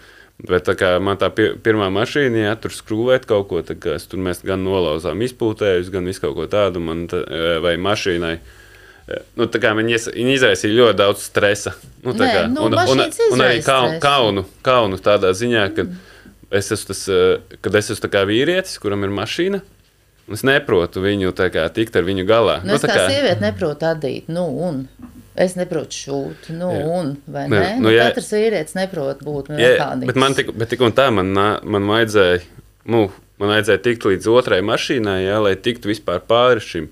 Šai sajūtai, kad, eh, jo tā bija iekšējā nepārliecinātība. Es, nebiju, nu, es nejūtos galīgi vīrišķīgs. Tā kā, tā kā man salūst mašīna, jā, un es saprotu, ka es nesaprotu vispār, kā tikt ar to galā. Bet tā ir arī tā sajūta vīrietim, kas rada pārmaiņas. Tas, par ko Andrew teica, man liekas, tā, tas message, kas, ka- kas daudziem uzrunāja, kad viņš teica, kā, tad, kad es nebiju bagāts, tad, kad man nebija tas viss, es vienkārši skatījos, un man skauda, un man, tā kā, man, Es arī man gribēju. gribējās to visu, un es tā kā, ne, man, man sāpēja. Un, eh, Nu, man arī sāpēja. Jā. Jā. Jā, es, es varu, tāpēc, tāpēc arī varbūt ar viņu to asociējās cilvēki. un Viņiem ir jau daudziem sāp. Eh, Nu, tas ir arī. Tas ir, tas ir tas, arī, ko iepriekšējais tas vīriešu tēls, jā, Petersons, jā, kurš bija tā kā drusku iepriekš, kad šim top G ir tā kā populistiskais ā, augums šai, šim trendam. Un, kad, jo tu tā kā, nu, nezinu, ar otro mašīnu vieglāk palika nedaudz, kad tu esi visu, es visu kaut ko salauzu pirmajā, iz, pali- izdaudzījām kā kaut ko vienu stīklu, otru, kā, ka šai otrajai mašīnai kāds vecrīgā nejauši ar elektroskūteri izdauzīja stīklu, jā, tad man bija tāds, ah, nu tā kā, e, bet tas ir saistīts vairāk ar e, to konstantu attīstību un to briedumu, kad Bet man e, tu attīsties, tā kā, Nu jā, bet tu iemācies ka- niansīts. Kā Edgars teica, kad saprotot to, ka man neiet tik labi ar mašīnas dzelžiem, es sapratu, citas tehnoloģijas, kuras esmu baigies guru, ja? Mhm. un aizēju kaut kādā autosalonā un uztais kaut kādu foršo dīlu to mehāniķu, ka kaut kas, ko tu viņam var piedāvāt, viņš tev, nu, man liekas, vairāk cilvēku. Es vairāk, eh, nu, tā kā es neesmu benzīna galva, es labprāt uztaisītu elektroautorātu, you know, kādu dienu. tā Kā, tas arī Super. kļūst tur vien populārāk. Nu, jā, nu, atgriežoties tā pie tā apļa, ko tu minēji. Nu, jā, ja cilvēks ir atzīmējis sev tās uh, galvenās lietas, kas viņam interesē, vai par ko viņš gribētu zināt vairāk, tad galvenais ir vienkārši fokusēties uz kaut, kādu, kaut kādiem ieradumiem, varbūt, kas uh, varētu aizskart pēc iespējas vairāk no šīm te, mm, sfērām, kuras varbūt ir zemākā līmenī. Un tas, ko kā, iepriekš tika minēts, sports. Manuprāt, sports iespējams pat attīsta kaut kādā mērā visas. Tā kā vienkārši tā. kuru vairāk, kuru mazāk. Un, uh, tāpēc jā, jāatrod, kas ir tie ieradumi, kas uh, uh, ilgtermiņā vienkārši iestūrē tad vairākas tās zonas. Man, man liekas, arī kā tas viens no tiem, kas raksturo to, nu, kā es raksturotu. Es nezinu, īstenībā, vai tas ir vīrietis, sievietes. Vienkārši ir ā, man, kā es uztveru, ka dzīvē, uz ko jātiec, ir tas, ka, tev, ka mēs drīkstam saprast, ka mēs drīkstam. Nu, kā, ka mēs drīkstam, ja mēs gribam un izvēlamies, mēs drīkstam arī saprast tos auto. Ja mēs, nu, mēs drīkstam, un ja mēs gribam un izvēlamies saprast ā, video montēšanu, te šo tehniku, tad mēs drīkstam. Mēs drīkstam tajā iedziļināties. Un, ā, un man liekas, tā pieaugušā cilvēka briedums kaut kādā ziņā nozīmē to, ka mēs saprotam, ka mēs visu kaut ko drīkstam. Un, ja mēs izvēlamies to attīstīt, ja mēs izvēlamies tajā iedziļināties, tad mēs arī tajā kļūsim zinoši un spējīgi. Un uh, tā, tā, tā ir tā viena lieta, ko man liekas, tas, es nezinu, kāds ir tieši ar vīriešiem, sievietēm saistīts. Jā, tādā, jo sievietes arī nu, drīkst iedziļināties automehānikā. Kodolfizikā. Un, un kodolfizikā, un viņas drīkst iedziļināties arī jebkurā tā kā, tajā darbā, ko vīrietis kā dara. Un viņas eh, tajā kļu, kļūs arī profesionāls. Jā, bet zini, kāpēc es, es tā domāju, es visu laiku par to sportu. Varbūt es pat neteikšu vārdu sports, mm -hmm. uh, bet pareizāk būtu teikt kustību prieks, jo sports mums asociējas ar kaut Bērngārzā bērngārzā to sauc tā kā eh, nodarbības, viņiem ir kustība prieks. Jā, un zini, kāpēc? Tāpēc es domāju, ka mums vēl nav pētījumu, bet nu, gan jau parādās tādi pirmie par to, kādu kaitējumu nodara nu, šīs jaunās tehnoloģijas un cik ļoti maz mēs kustamies un, un sportojam. Un ir, tas gan jau ir zināms, cik tas ir slikti, kaitīgi ne tikai mūsu fiziskai veselībai, bet arī mentālai. Tāpēc es to tagad tādu bišķiņu tādu mantru, man liekas, tā ir viena tēma, kur nu, katram jaunam, vecam, vidējās paudzes cilvēkam ir jākustās. Ne tikai lai viņš būtu fiziski veselāks, bet arī mentāli izturēt visus tos daudzos kairinājumus. One eternity later. Vai arī meklēt labos piemērus? Mums bija, mums bija neliela tehniskā pauzīte. Visi esam aizgājuši uz to, lai atpūtušies. Tagad uh, gribu pajautāt, mēs te baigi par vīrišķību aizrunājāmies, bet uh, Ivet, kas ir sievišķība? Tikpat sarežģīts jautājums, kā, kā, kas, ir, kas ir vīrišķība. Es domāju, ka te jau varētu pajautāt Atim un Kristapam. Es domāju, ka tur arī būs tās vispārīgās īpašības, kuras abiem dzimumiem būs ārkārtīgi labi, ja viņiem ir viņas uh, klātesošas. Nu, un atkal, ja mēs skatāmies to vēsturu un kultūru, ir bijis ļoti dažādi. Nereti sievišķība bijis tad, ja, ja cilvēks, ja sieviete ir tāda varbūt kautrīgāka, ja mēs skatāmies kaut kādu simts gadus atpakaļ. Un, ja viņa ir tāda paļāvīgāka, pakļāvīgāka, bet tas ir mainījies. Tas ir mainījies šodienas sieviete, ja mēs domājam to sociālo jomu, viņa patiesībā var visu, ir palikuši joprojām dažas netaisnības attiecīgi algu, samaksā Latvijā mazāk, bet tomēr ir nedaudz. Nu, varbūt, ja mēs paskatāmies, cik daudz ir sievietes pārstāvētas uzņēmumu padomēs Latvijā, tad varbūt viņas tik daudz nav. Un tā būtu arī interesanta tēma, kāpēc viņas nav. Vai tādēļ, ka grūti savienot ģimeni ar to, ka tu esi vadītāja, ja tādēļ, ka joprojām kaut kā vīrieši viņas izkonkurē, par to es neņemšos spriest. Nu, kas ir sievišķīgi? Būtu jājautā puišiem. Vai tas, Iespējams, vai tas ir pareizi vīriešiem spriest par to, kādām jābūt Jā, tas sievietēm? Nu, bet kāpēc es taču drīkstēju iesaistīties sarunā par to, kas ir vīrišķīgs pareizi? Nu, tad kāpēc mēs jūs nevarat iesaistīties sarunā par to, kas ir sievišķīgs? Kā jūs to uztverat? Mm. Es varu tādas savas domas tikai pateikt par to, ko es domāju, kas ir sievišķīgi. Mm. Bet arī tas būs mm. īpaši šodien, tas būs ārkārtīgi nu, sarežģīti, jo nu, mēs mainām šos priekšstats un uzskatus. Un, Man liekas, daudz vienkāršāk ir runāt, kas katram mums patīk, nepatīk, simpatizē. Un tad mēs nonāksim pie kaut kādām rakstura īpašībām. Lai gan mēs tos feromonus jau arī nevaram aizmirst, ja mēs domājam par savstarpējām attiecībām. Nu, nu, ir tāda tomēr tendence, ka cilvēkiem var kāds patikt. Jā. Un, uh, Nu, jā, tas ir tā, tie, Tā tie, kā- tie, tie feromoni. Jā, tā, tie, tie nu, feromoni. tā vienkārši. Es tā mēģināju būt. Mr. Obvious. tā kā. Bet, Bet arī, ja mēs domājam, ka, nu, ok, ņemsim filmas, varbūt mums vieglāk tad ir kaut kā asociatīvi domāt, kas mūs uzrunā, kāds tēls mūs uzrunā, kas mums liekas, kas, kas, ā, nu, fantastisks ir. Ja, nu var, bet kā var jau būt vienkārši tas, kad tu aizēji kaut kur, kur un tur ir uh, sievietes. Un ir, Viņas uzrunā. jā. Viņas var uzrunāt, tā kā, viņas var uzrunāt ar vārdiem, viņas var uz, uzrunāt vienkārši izskatās forši un tā kā. Un, uh, Nu, jā, vai viņas domāju, tev ka- uzrunās, tāpēc, ka viņas ir sievišķīgas, ja tev uzrunās varbūt kaut kas pavisam cits, ko tu nemaz nezini. Jā, nu ir tas vienkārši, ka viņas izraisa uh, emocijas, sajūtas. tā Kā, un arī uzbudinājumu kaut kādos rakursos. tā Kā. Nu, jā. Nu, atkal, ja mēs vi- domājam, kas ir jautājums, kas uzdru, ka, nu, ja, Jā. par ko mēs runājam tādā ziņā, ja ko- uzbudinājums rodās arī no kaut kādiem. Nu, tur būs tie feromoni. Jā, tie, tas, ir, mērā. jā, tas ir tas fermonu daļa, un tas, tas var būt. Jo es atceros, no jaunības, ja tu aizēji, ka, nu, labi, nosacīt jaunību, tagad jau vēl nekas nav. Tas vēl viens diezgan jauns. Ja. Nu, diezgan. Bet ir, tik un tā ir tas, kad tu redzi kā kaut kādas sievietes, un tā kā liekas, o, forši. Nu, tā kā liekas, ir, ir uzbudinoši pat. Tā kā, Jā, kā bet- iekšēji, iekšējais tas Jā. uzbudinājums ir. Es aizbraucu tur kaut kādām e, treniņu kaut kur vai dodos pārgājienā kaut kur, un ir kaut kādas sievietes, kas vairāk uzbudina, kaut kādas sievietes, kas mazāk. Tā kā, un ir tas, e, rak, e, ja mēs runājam tīri tādu par seksuālo enerģiju vai kaut kādu tādu, un um, kaut kā vienmēr ir, e, es man nu, tā godīgi runājot, ja kaut kādās grupās vienmēr ir kaut kas, kas kāda nu, piesa, piesaista. Ir kaut kāda uzmanība. Mm -hmm. Un, piemēram, mēs gājām, nes, ne, ejam pārgājienā ar jauniešiem, kuriem ir jau no SOS ciematu asociācijas tā kā kontaktā viņiem. Ja.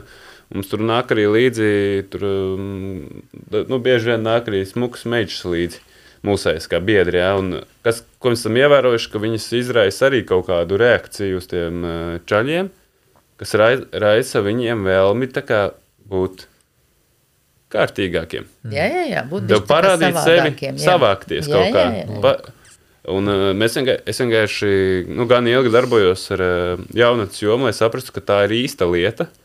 Jā, kad uh, tas pretējais dzimums uh, pie, uh, raisa cilvēkos to. Un tas ir abos virzienos. Nu, protams, ka abos. Mm. Jā. Lai gan nu, pretējā virzienā viņš nezinu. Sievietes Sieva- un vīrieši izrāda simpātijas nedaudz citādāk. Jā, Pretējo virzienu grūti ir ap, apspriest no manas smadzeņu rakursa, nu, tā kā redzēt tieši. Bet, nu, zinu, ka sieva vakar teica, jā, kad eh, viņa iekāpa autobusā, brauc uz darbu, jā, un viņa var ieraudzīt, ka tur ir čalis, jā, un ka viņa ir tāds, mm, Jā, tas var Nice. būt tiešām tas seksuāls Nice, aspekts. Bet, ja es vēl domāju par sievišķību, nu, piemēram, tāda īpašība, rakstura īpašība kā tāds mīļums pret cilvēkiem. Mm -hmm. Nu, droši vien, ka mēs varētu kaut ko tā kā izvilkt, ko tev- mēs vairāk asociatīvi saistam ar šos, nu, kas būtu sievišķībai vairāk. Jā. Es domāju, ka sievietēm arī patīk mīļi vīrieši. un, Nē, es bet te vēlreiz viss- uzsveru, jā. ka vairāk un mazāk. Nav Jā. nekas tāds, ko Jā. mēs varētu tikai un vienīgi. Nu, varbūt krūzu barošana joprojām būs tikai sievietēm, ja? un, un joprojām tomēr arī tā dzemdēšana. Bet, ja mēs domājam par bērna aprūpi, tad jau mēs zinām, to var tikpat labi arī veikt. Nu, jaun, jaunie, nu, daļa jauniešu skatās, ja viņiem pie tā bērnu aprūpe liekas vispār kaut kas distancēts un tāls. Un, Nu, mēs jau iespējams. tur tā mēģinām viņiem nedaudz pastāstīt par pieaugušo dzīvi. Jā. Krista, tu kaut ko gribēji teikt? Uh, jā, tā kā, man šķiet, ka iespējams uz to pastīties tā kā caur polaritātēm. Nu, ja mēs tieši gribētu pāranalizēt vīrišķo un sievišķo, tad vienkārši kas būtu tas vīrišķais un kas varētu būt polāri pretējais sievišķais. Piemēram, nu, kā es iztēlojos, tad vīrišķais varētu būt tiešums. Nu, tā kā mm. riktīgi tur uh, pateikt, kā ir. Un sievietē, tad, nu, kā es to iztēlojos, varētu būt tieši noslēpumainība, kad vīrietis ar to savu tiešumu varbūt mēģina izprast to sievieti, un sieviete tieši mēģina ieinteresēt to vīrieti būt tiešām ar savu noslēpumainību. Un tad, kas varētu būt vēl tā kā citas šīs tās polārās lietas? Nu, es zinu, ka es tagad varbūt tā atcerējos iz dzīves, ja? nu, uzņēmumu, jeb dzīves laikā, kas esmu strādājusi, ir tik savādi, ka, nu, pieņemsim, atnāk viena ēpasta ziņa. Un šo mm. ēpasta ziņu izlasa uzņēmumā esošie vīrieši un sievietes. Un it kā visi gājuši līdzīgās skolās, it kā visi ir auguši vienā sabiedrībā, un pēc laika tu parunā šiem cilvēkiem un izrādās, kad ir katrs nolasījis savādāk. Mm. Un es domāju, ka tādas situācijas ir ne tikai ar ēpastiem, bet arī, ja mēs ikdienā runājam, sarunājamies, nu ir tā, ka nereti ir šī savādākā izpratne. Un atkal neanalizēsim, vai tas ir tāpēc, ka mums ir dažādas izglītības, vai tas tāpēc, ka mēs tomēr pārstāvam, ka mēs kaut kādā savādākā veidā izprotam pasauli. Un tur kādreiz arī šie atšķirīgās skatījums uz notikumiem, lietām. Vai tas sievišķīgi, vīrišķīgi? Es nevaru pateikt. Mm. Man, man šī ir tā viena daļa, kur ir rīktīgi tas spēlēkā zona, kur Jā. Nevar saprast. Kā, jo, nu, ir ārkārtīgi sarežģīti pateikt, vai tas ir vīrišķīgi, tā kā tur Vai ne? uztver to epasu tā, vai tas ir sievišķīgi. Jo man, piemēram, arī tā, man tā pieredze arī rāda, ka tas vairāk ir, zin kā, vairāk atšķirās vienkārši cilvēks no cilvēka, jo šīs lietas notiek tie lielajās smadzenēs, jā, un tas sievišķība, vīrišķība ir, nu, vai es, es vismaz domāju tādā, ka, ja mēs noriducējam visu to dzīvi, ja, ok, visādus darbus var darīt gan sieviete, gan vīrietis, viss kaut kas, un beigās, kas paliek, ir tas, kas mūs tā tīri atšķir, tā ir seksualitāte. Nu, tā ir tā, Nu, tā pie bi- bioloģijas bio-. Nu, jā, jā, tas ir tas, kas beigu beigās mūs pa lielam, nu tā pilnīgi Jā, fundamentāli. fundamentāli mūs atšķir. Jo slapjie sapņi sievietēm nebūs, un vīriešiem Nu, mēnešu nu, reizes ar pagaitām nu, jā, nebūs. Bioloģiski. Nu, Jā, jā. nerunāsim atkal par, par, par dzimumu maiņu. Jā, un tad beig, beigās aiziet tā, kā tā, tā diskusija un sajūta. Un, uh, un kā, piemēram, tagad es kādu laiku jau esmu attiecībās, jā, un esmu uh, precējies, man ir divi bērni. Jā, un, kā, un tas viss, uh, tā, piemēram, tā visa sajūta, kas bija jaunatnē par to, kas ir sievišķība un kas ir vīrišķība, viņi visi jau dažreiz liekas tik tālu pagātnē. Mm. Tur ir Dievs, jā, jūs tur, ā, tur ņemties, ā, jums tur kaut kādas attiecības jāveido. Man tagad tas ir tādā aptuveni formā, ka, nezinu, kolēģi, jā, kur tur meklē otru pusīti, jā, un tam ir tāds, oh, forši vai akcents, tā kā jāuztais saklo, nu, jāuztais randiņu events, tā kā, vai kaut kā, nu, tā kā liekas, nu, jā, jāpalīdz cilvēkiem atrast uh, otru pusīti kaut kādu, uh, un uh, tas, tas, uh, jo, kad, tas ir izdarīts, jā, un kad uh, nav viegli, Nevien, nesaku nevienam, ka tas ir baigi viegli un uh, fundamentāli strādā perfekti, tu atradi. Tas ir tas, ko es stāstīju iepriekš, jā, ka tu jaunībā, Ilgi un laimīgi. jā, ka tu jaunībā domāji, ka tur, oh, tur sasniegsi un tur būs, un tad būs rīktīgi labi, un tas viss, nē, tur turpinās vienkārši konstants darbs. Un, uh, jo tu gan ilgi nodzīvo ar vienu cilvēku, jā, tad saproti, ka viņš nav tas, ko, tas sapņu cilvēks, ko tu iztēlojies sākumā, ka, viņ, ka viņš arī ir reizēm netīrs, jā, un reizēm nošmulējis, jā, un reizēm kā ir neērtā situācijā, vai viņam kaut kas sāp, jā, vai ir grūtības, kā, un, kā to visu redzi tikai tāpēc, ka tur ilgi ar kādu nodzīvo kopā, kā, ja tu attiecības sākumā un tajā idealizētajā jaunības eh, dzīvē, kur tu kādu meklē, tur otru pusīti, jā, parasti mēs, nu, jaunieši eh, pucējās, pucējās, jā, es teikšu vārdu pucējās, jā, ka viņi pucējās, lai tur, eh, jo viņiem viens no tiem instinktiem ir kaut ko atrast.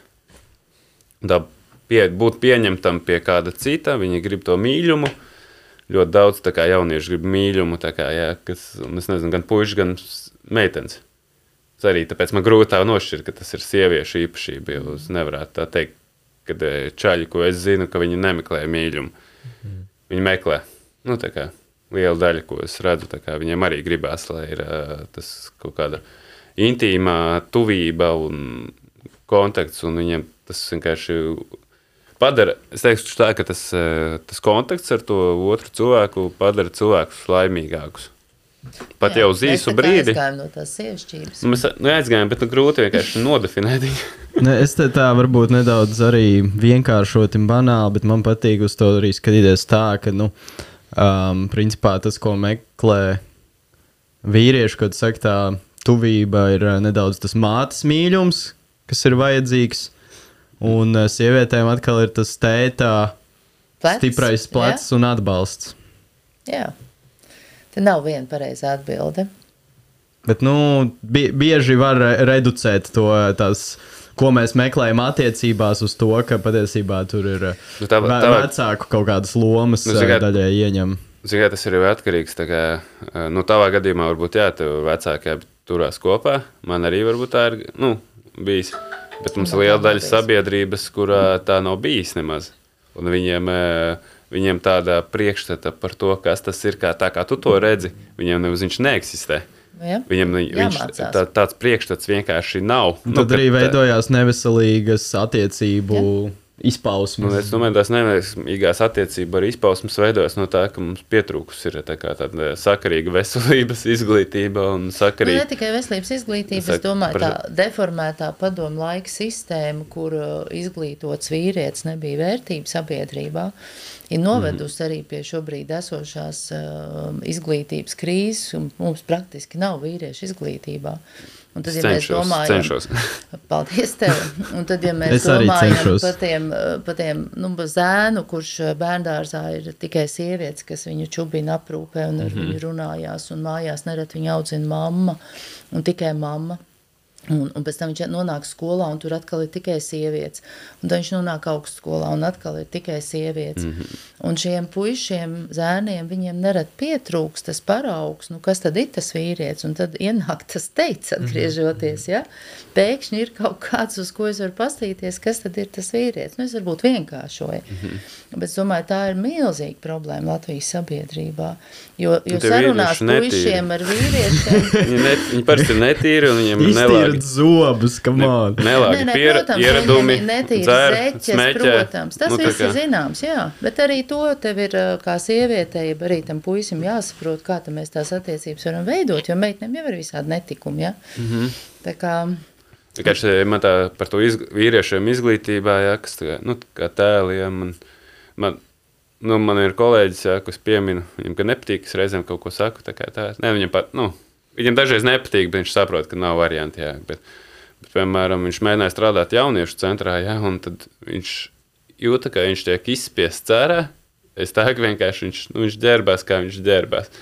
Un, kā, un ir tas kaut kādas tās eh, normas, ir bijušas, jā, kur sieviešu, sievietes dominēja, un viņas šitā te, un ja nebija tā, tad, eh, nu, Precīzi. Un, te, un te ienāk, Un tad nezinu, tā iz- Mhm. vīrišķība, kas noteikti to vīrieti. Viņš neredz mm -hmm. šādās situācijās, nu, piemēram, skolas domē būs viens puisis un četras meitenes.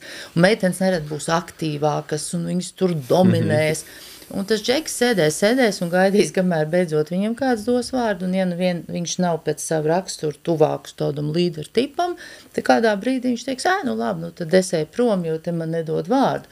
Un, ja visu šo pasākumu vēl vada sieviete, kur arī vieglāk ar sievietēm, ar meitenēm sarunāties, nu tad tas džeks tur aizklīst kaut kādā savā pavisam citos pulciņos un dzīvēs. Un es domāju, ka tas tā, tā ir tāda ne tikai izglītības, bet līdz ar to arī nu, jauniešu centri, kurā vietā, kur ir šie jaunieši, mums sievietēm ir daudz vienkāršāk saprast, Nu, viņas- runāt ar sievietēm. Viņas Jā, arī to jā, jā. veicina. Nu, viņas arī viņas arī nezina. Jā, un te mēs atkal atgriežamies pie tā fiziskā, kur Mhm. tam džekam vajag to fizisko.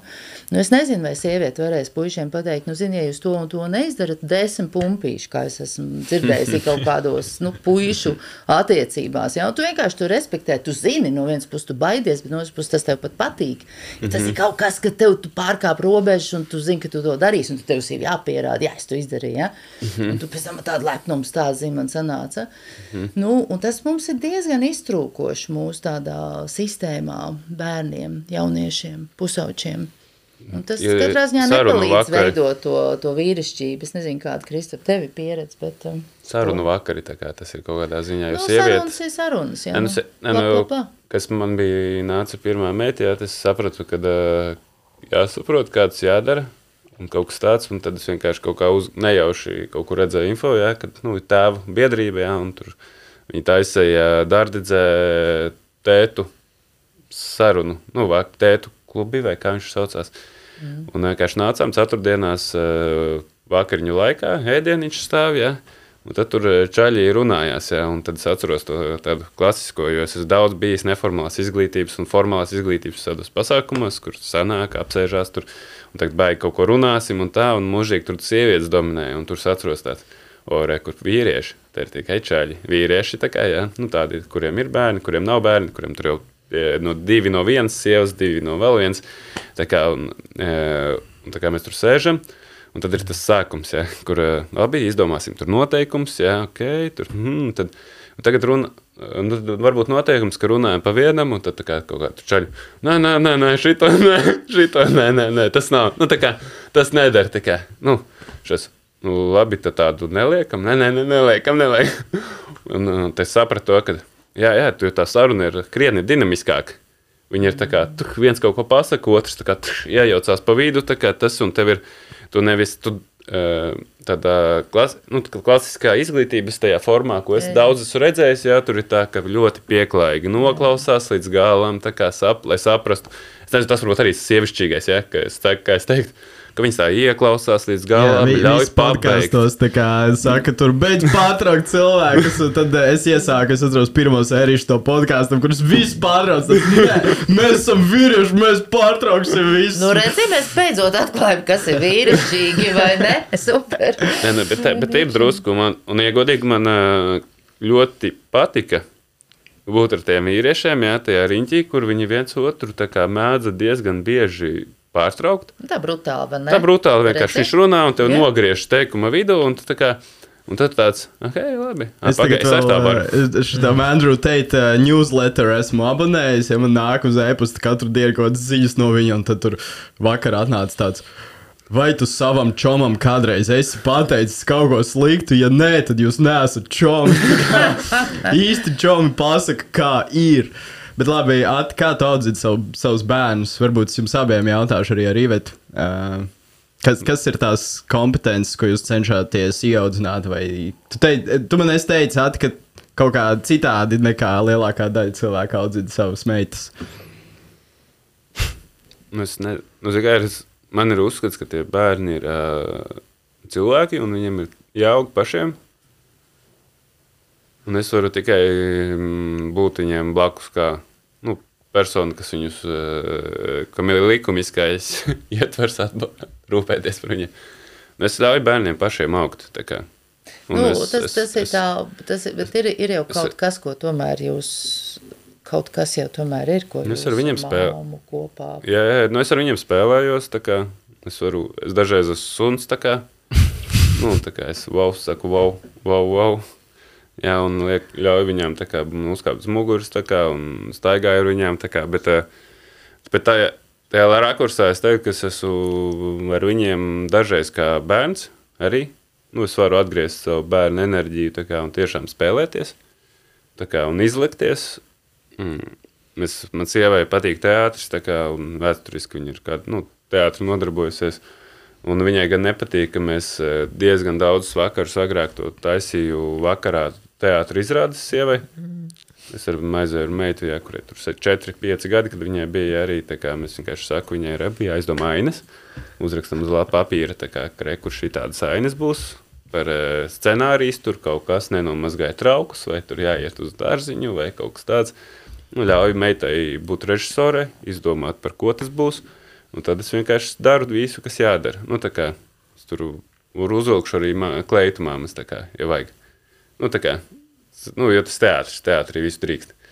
Tā kā visu, kas jādara. Bet tā man tā... Bet ikdienā klēt nedrīkst. Uh, nu, ik- nu, es, es varētu uzvilkt, es esmu uzvilcis arī ikdienā. Dažreiz tā kā ne, ir tomēr arī klētā ir savs bonus. es zinu, ka pamēģinu uzvilkt, saprotu, ka oh, forši diezgan ērti. Tas gan, redz, vi- sievietes ir sapratuši, ka biks ir ērti kaut kādu laiku valkā. Jā, jā, jā.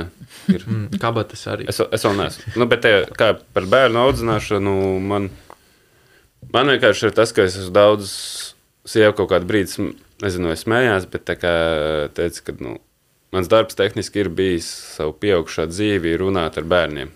Jo es esmu vadījis bērniem, nu, jaun, bērniem jauniešiem komandu saliedēšanās, klašu saliedēšanās pasākums jau daudzus gadus. Jā, man tas mūžīgi ir bijis jāsa, es mēģinu runāt ar viņiem tā, lai viņi runā ar mani apakaļ, lai viņi ir uzklausīti, un tā kā ka es viņus sadzirdu, man tā kā jāieklausās ir viņos. Un tad ar saviem bērniem arī es ļoti ieklausos, ko viņi grib, kā, un tas man izraisa reizēm, kā, eh, man tas izraisīs ir diezgan daudz eh, situācijas, kur kāds man saka, ka tev to bērnam vajag šito vai to, es saku, nu, man bēr- viņam nevajag to, es, es klausu, nu, es viņā esmu ieklausījies, un viņam es jūtu, ka viņam to nevajag. Pat ja viņš nevar ar vārdiem pateikt, jā, bet es tā kā vienkārši tā emocionāli, un es, es mēģinu vienkārši ieklausīties, vai viņam tiešām vajag to cepuri šobrīd, viņam nevajag īstenībā. Dažreiz. Nu, tā kā viņam ir karsti vai, vai kaut kādos brīžos uh, viņam. Uh, Īpaši tā kā bērnu attīstībā ja, ir tas stāvoklis, viens, ka viņš ir zīdainīts. Ja, viņš it kā daudz cilvēku sako, uh, es vēl vakar dzirdēju, ja, kā Gunta, kolēģa, trīs mēnešus vecajam bērnam. Ja, kā, kāds te, nu, Gunts viņam stāstīja kaut ko rīktīgi, tur kaut ko rīktīgi stāstīja tā kā tam bērnam. Un tad tā kā tā viena meitene tā teica, jau, tur zina, ka viņš nesaprot. Es tāds, nu, pagaidi, pagaidi. Nu, paga, zi, tu zini, ka tu nesaproti īstenībā. Ka tu nesaproti, ka tas, ka tas bērns, eh, tu domā, ka tas bērns nesaprot, un tāpēc viņam kaut kas nav jāstāsta. Tas ir pilnīgs muļķības. Bērns tieši no tā, ka viņam stāsta, iemācās lietas. Un, eh, pat ja viņam savai meitai trīs mēnešu vecumā izstāstīju stundām ilgu informāciju par elektroražošanas formām, nu, tā kā jo mēs stāvējām pie radio, jā, un tas viņai stāstīja, kā ir radio, nu, kāpēc radio vispār funkcionē, un ka kaut kur tālāk ir teicis divi, kā, kurš, kā, kurā deg gāze un kur iet caur turbīnu, tā kā, Uh, nu, sakarsēta gāze, gāze karstums, kā, un tas dzen turbīnu, un viņš ģenerē uh, tinumos kā elektroenerģiju. Un es viņai to, nu, tā un Gunta vēl- meitai tu to sāstīji? Nē, nē, savai. Savai, savai jā, jā. nu, Gunts stāstīja vakar kaut ko līdzīgu. Ja? Tā kā, Ok. Wow. uz, un, eh, bet vienkārši tas, jo es zinu, ka ir uh, smadzenēm ir tā lieta, ja, un tam bērnam ir normāls smadzenes. Viņam ir smadzenes, un viņas dzird visu, ausis strādā, viņas visu dzird. Un kad uh, smadzenēm ir tā lieta, ka viņas, uh, ja viņas dzird informāciju, viņas viņu glabā. Viņa viņu atcerās. Viņa nav tā, ka viņa nevarēs pēc tam izstāstīt, jā, kā tas viss ir. Bet viņas smadzenēs uh, tur turbīna pēkšņi ir normāls vārds, tāpēc ka viņa to dzird no sava tēva. Jā, eh, viņai elektroenerģija liekas normāls vārds, jo viņa to dzird. A daļa sabiedrības kā bērnam uzskata, vai nu, pimpis, jā, vai nu, tas ir, man ir pimpis, tā kā es zinu, meita zina, ka man ir pimpis. Tā kā, Ab, nu, kā tas normāli ir. Mhm. Tā kā, un, eh, ja, ja to normalizē, ja, ja, ja šo bērnu zina, ka tie ir vārdi un tos vārdus var izmantot, ka viņam ir kaut kādas situācijas, un tas tur nav nekas, man nav jākaunās no elektroenerģijas. Jā, Jā. viņa ir.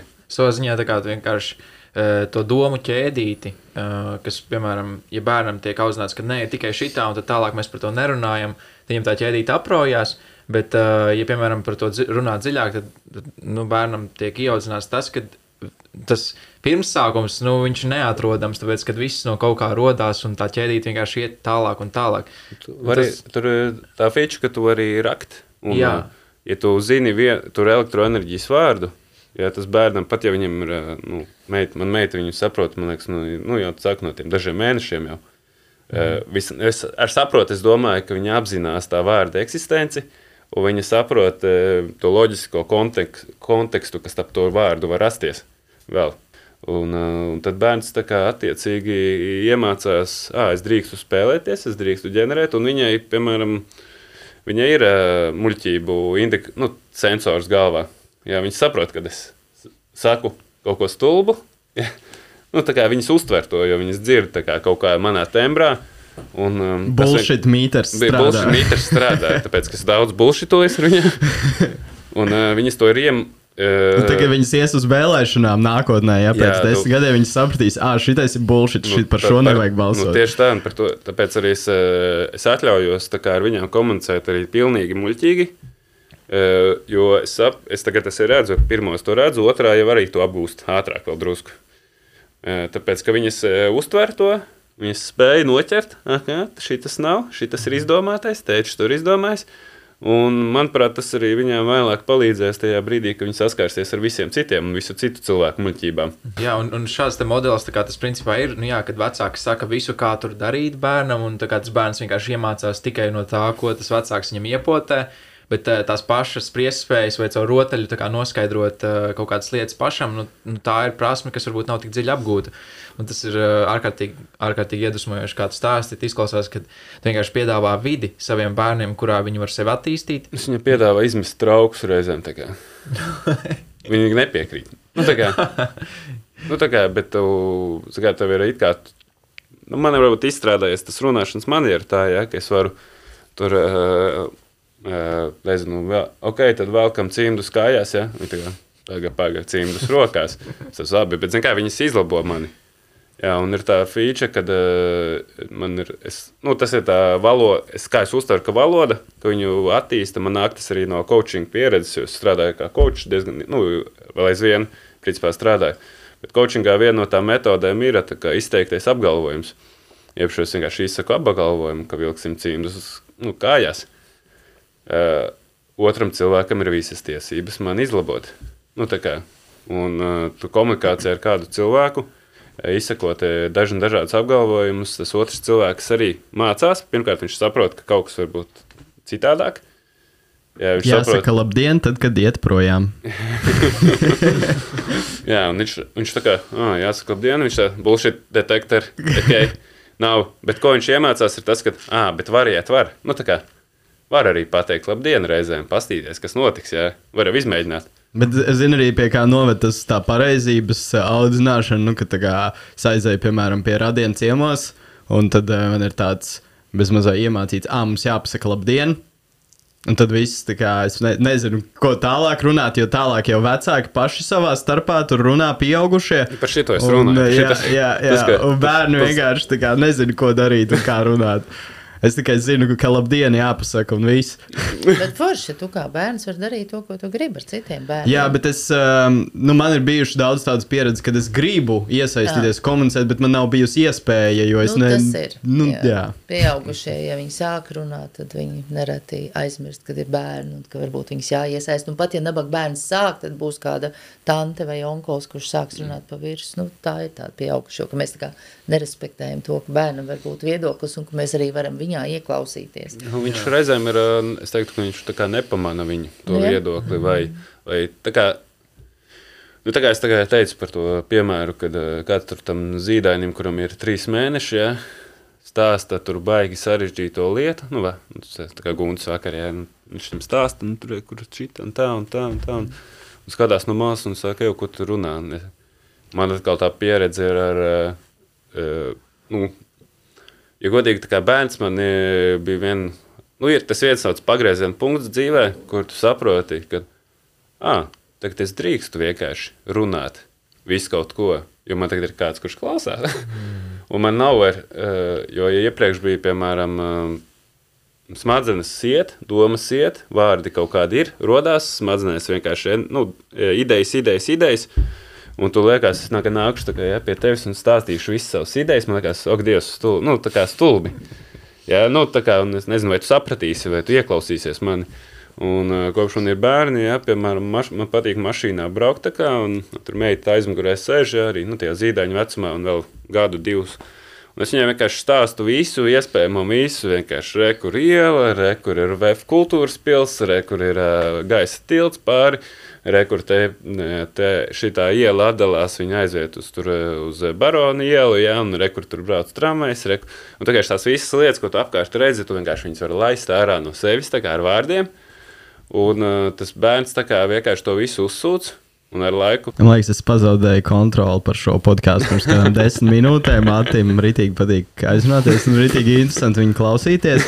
Jā, es uzliku uz cerēju tikt pie vārda. Es, nu, es, es uzliku pulksteni. pastāstīt, kā es to savu. Es uzliku uz pulksteni uz ekrāna tīri, lai jums pajautātu, jūs, vai jums ir jāsteidzās, jo man ir vēl daudz jautājumu, ko uzdot. Un, ja mēs varam vēl paturpināt kāds 20 minūtes, tad. Uh, mēs varētu vēl izrunāt pārējās tēmas, par kurām bija paredzēts. Tu vari man izgriezt beigās. man liekas, tur būs daļa jāgriež. es varētu visur tevi izgriezt tā, kā tas nav šajā podkāstā. Bet uh, atgriežoties pie iepriekšējās tēmas par. Uh, Par vecākiem un audzināšanu, pēdējās tēmas. Mm -hmm. um, kā tu minēja, nu, ka vajag to muļķīgumu nedaudz, lai, lai ir tas bullshitometrs. Uh, es tā tagad ļoti prasmīgi savīšu kopā tūlīt visas tēmas. Um, nu, mēģini. Nē, nu, principā. Kā viņi sauc? Ne? Labi, ok, ķersimies uzreiz pie, pie, pie šī. Tā tad, uh, nē, es atceros.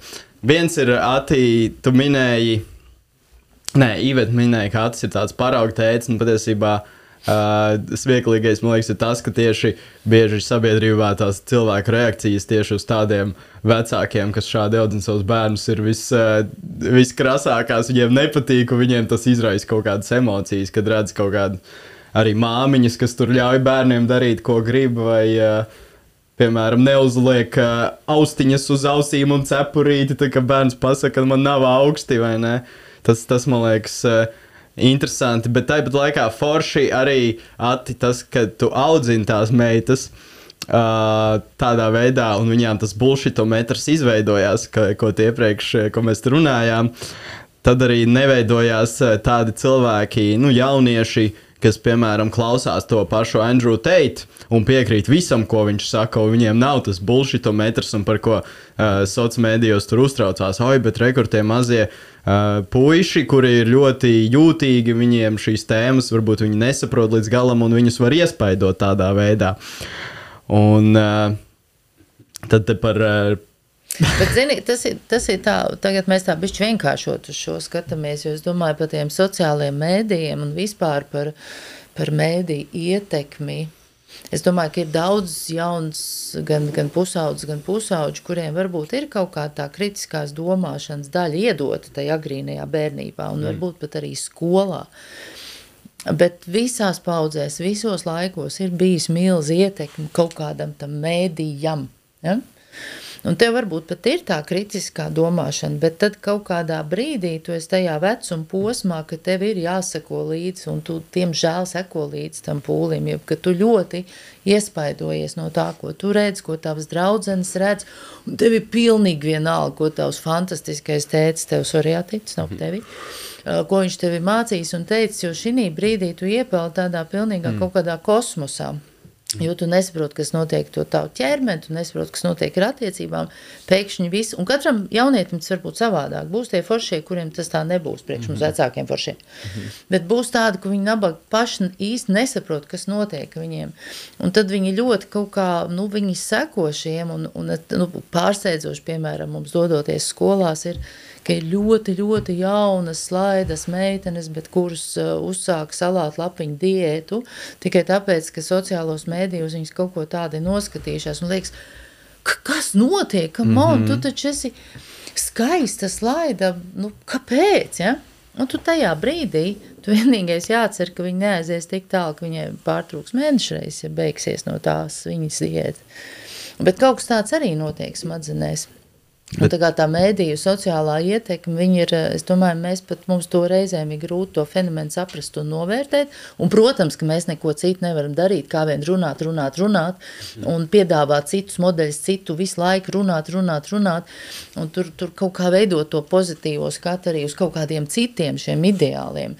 Bet tāds fenomens ir, un to parādīja arī šie teita sekotāji visā pasaulē. Tas nav Latvijas Jā. fenomens. Tas, Bet Tas, tāds tas, ko man uzsvēra, tās uh, dāmas, divas, uh, kuras arī ir droši vien aktīvas feministas un uh, par, uh, uztraucās par nedaudz citiem jautājumiem uh, šajā gadījumā, kas ir, uh, ka šāds te vīrietis atstāja negatīvu iespaidu visam mūsu pasaules politiskajam progresam, un ka sāk atkal parādīties vīrieši, kas var pateikt, kā, ko sievietes un ne, eh, drīkst un nedrīkst darīt.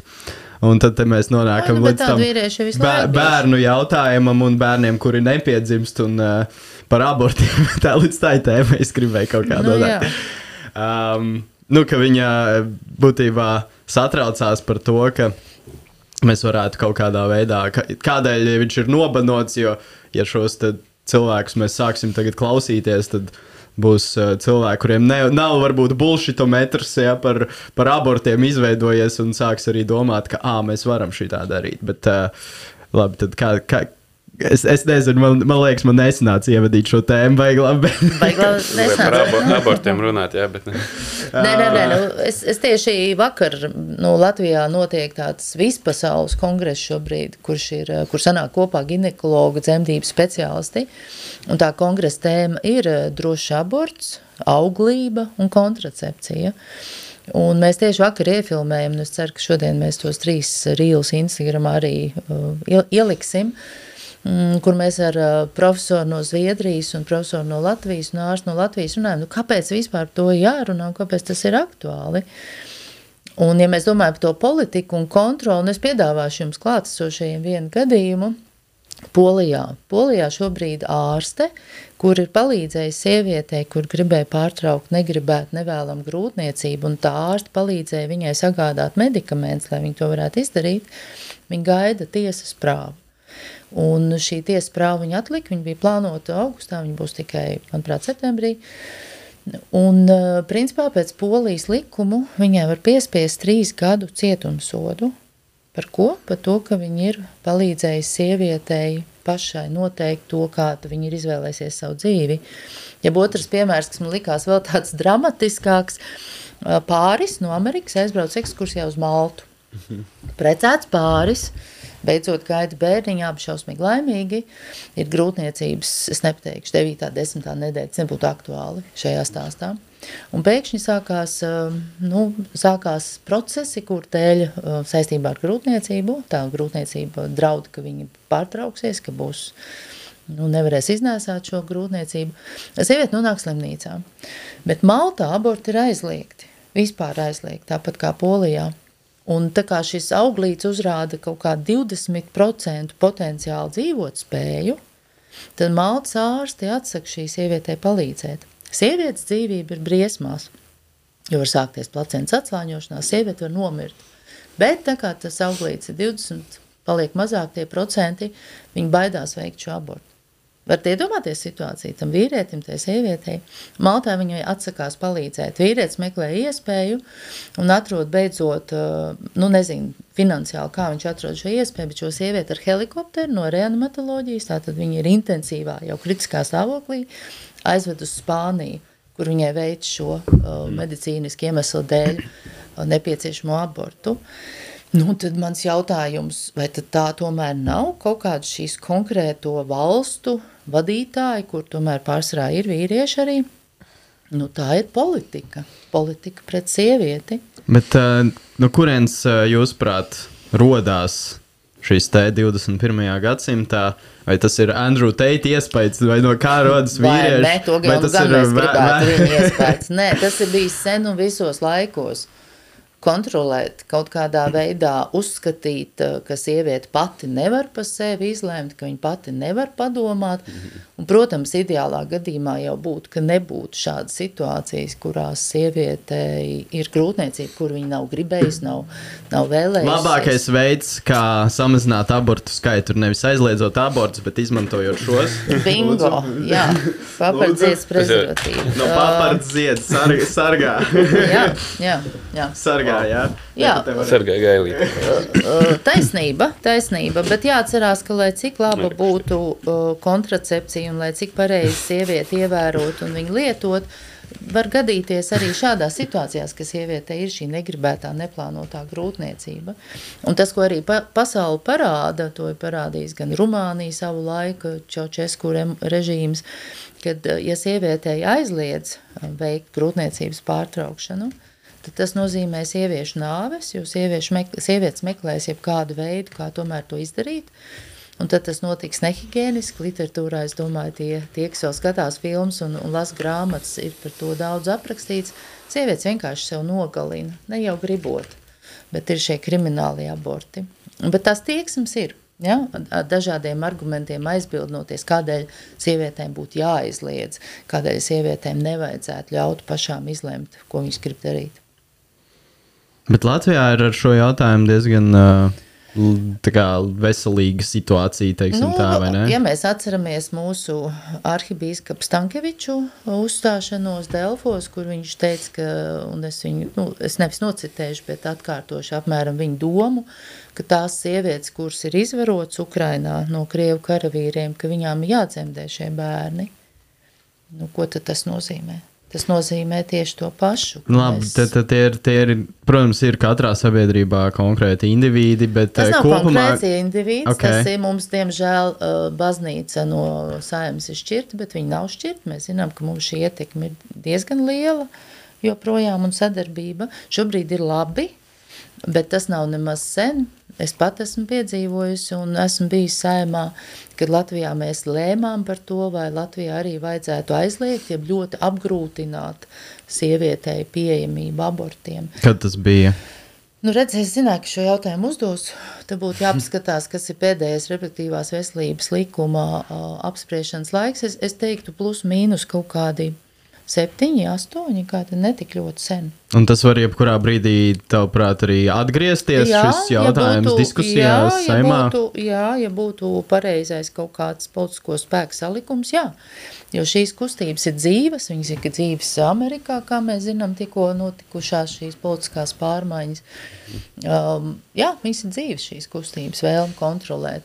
Un ja mēs runājam par Latvijas situāciju šobrīd, tad jā, likums atļauj un, un sievietēji aborts ir pieejams, bet viņš nav pieejams, jo, ja es domāju par jaunietēm, mm, nu, zināmā vecuma posmā, kad nav vēl tāda rīcība ne puišiem, ne meitenēm, tad atrast ā, nu, līdz 300 eiro, lai tu varētu veikt šo maksas procedūru, tas vienmēr nav pieejams. Tā kā es teikšu, ir un nav pieejams.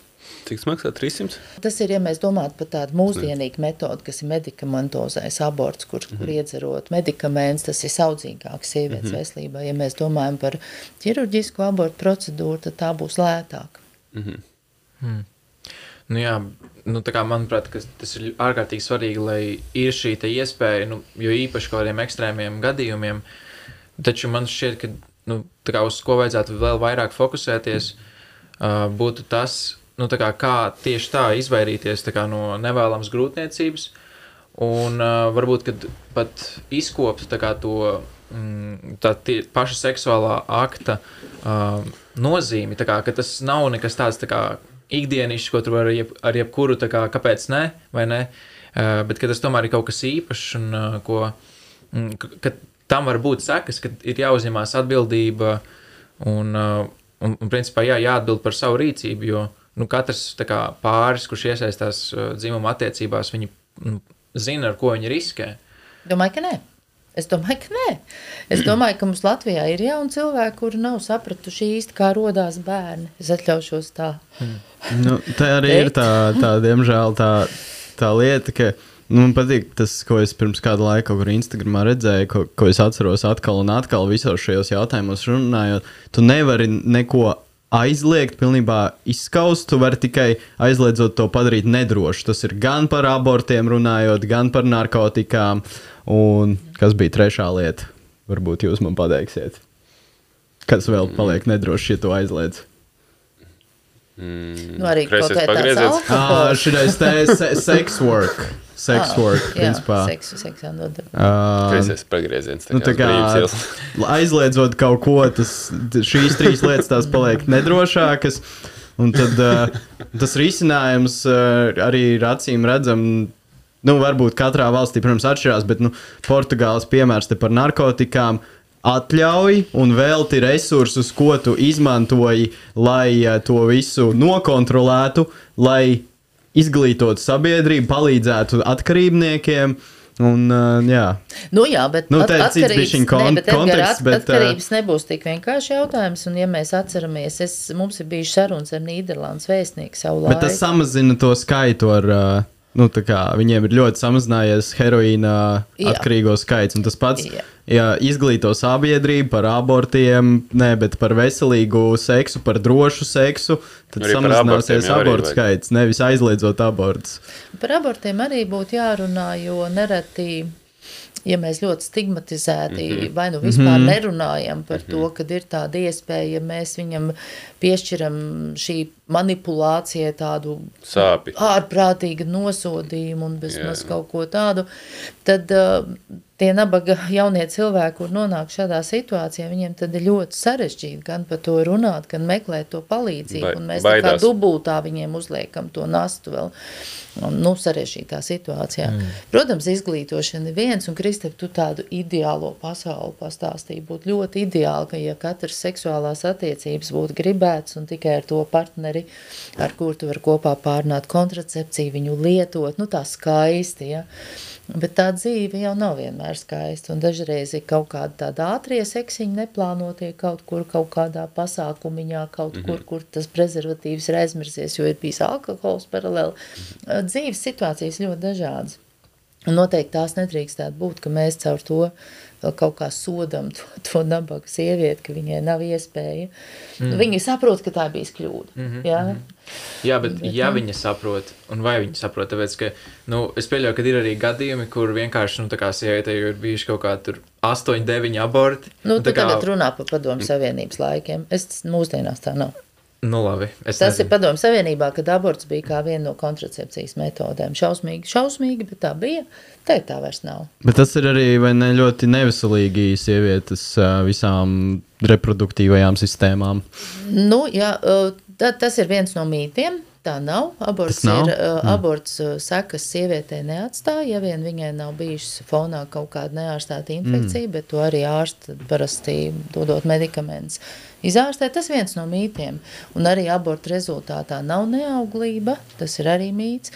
Tie varbūt ir kaut, kad, nu, kaut kāda Tā nav, steril, tā nav sterilizācija. Kā, Jā, tā kā tie varbūt ir kaut kas kādi, nu, aiz, nu, kaut kādi ļoti, ļoti, ļoti reti izņēmumi, ja, bet patiesībā aborts ir ļoti drošs procedūra, jeb operācija, mm. un sievietes veselībai aborts ir daudz, nu, mazāk kaitīgs, kā, piemēram, dažos gadījumos dzemdības, ko arī ginekologi atzīst, ja.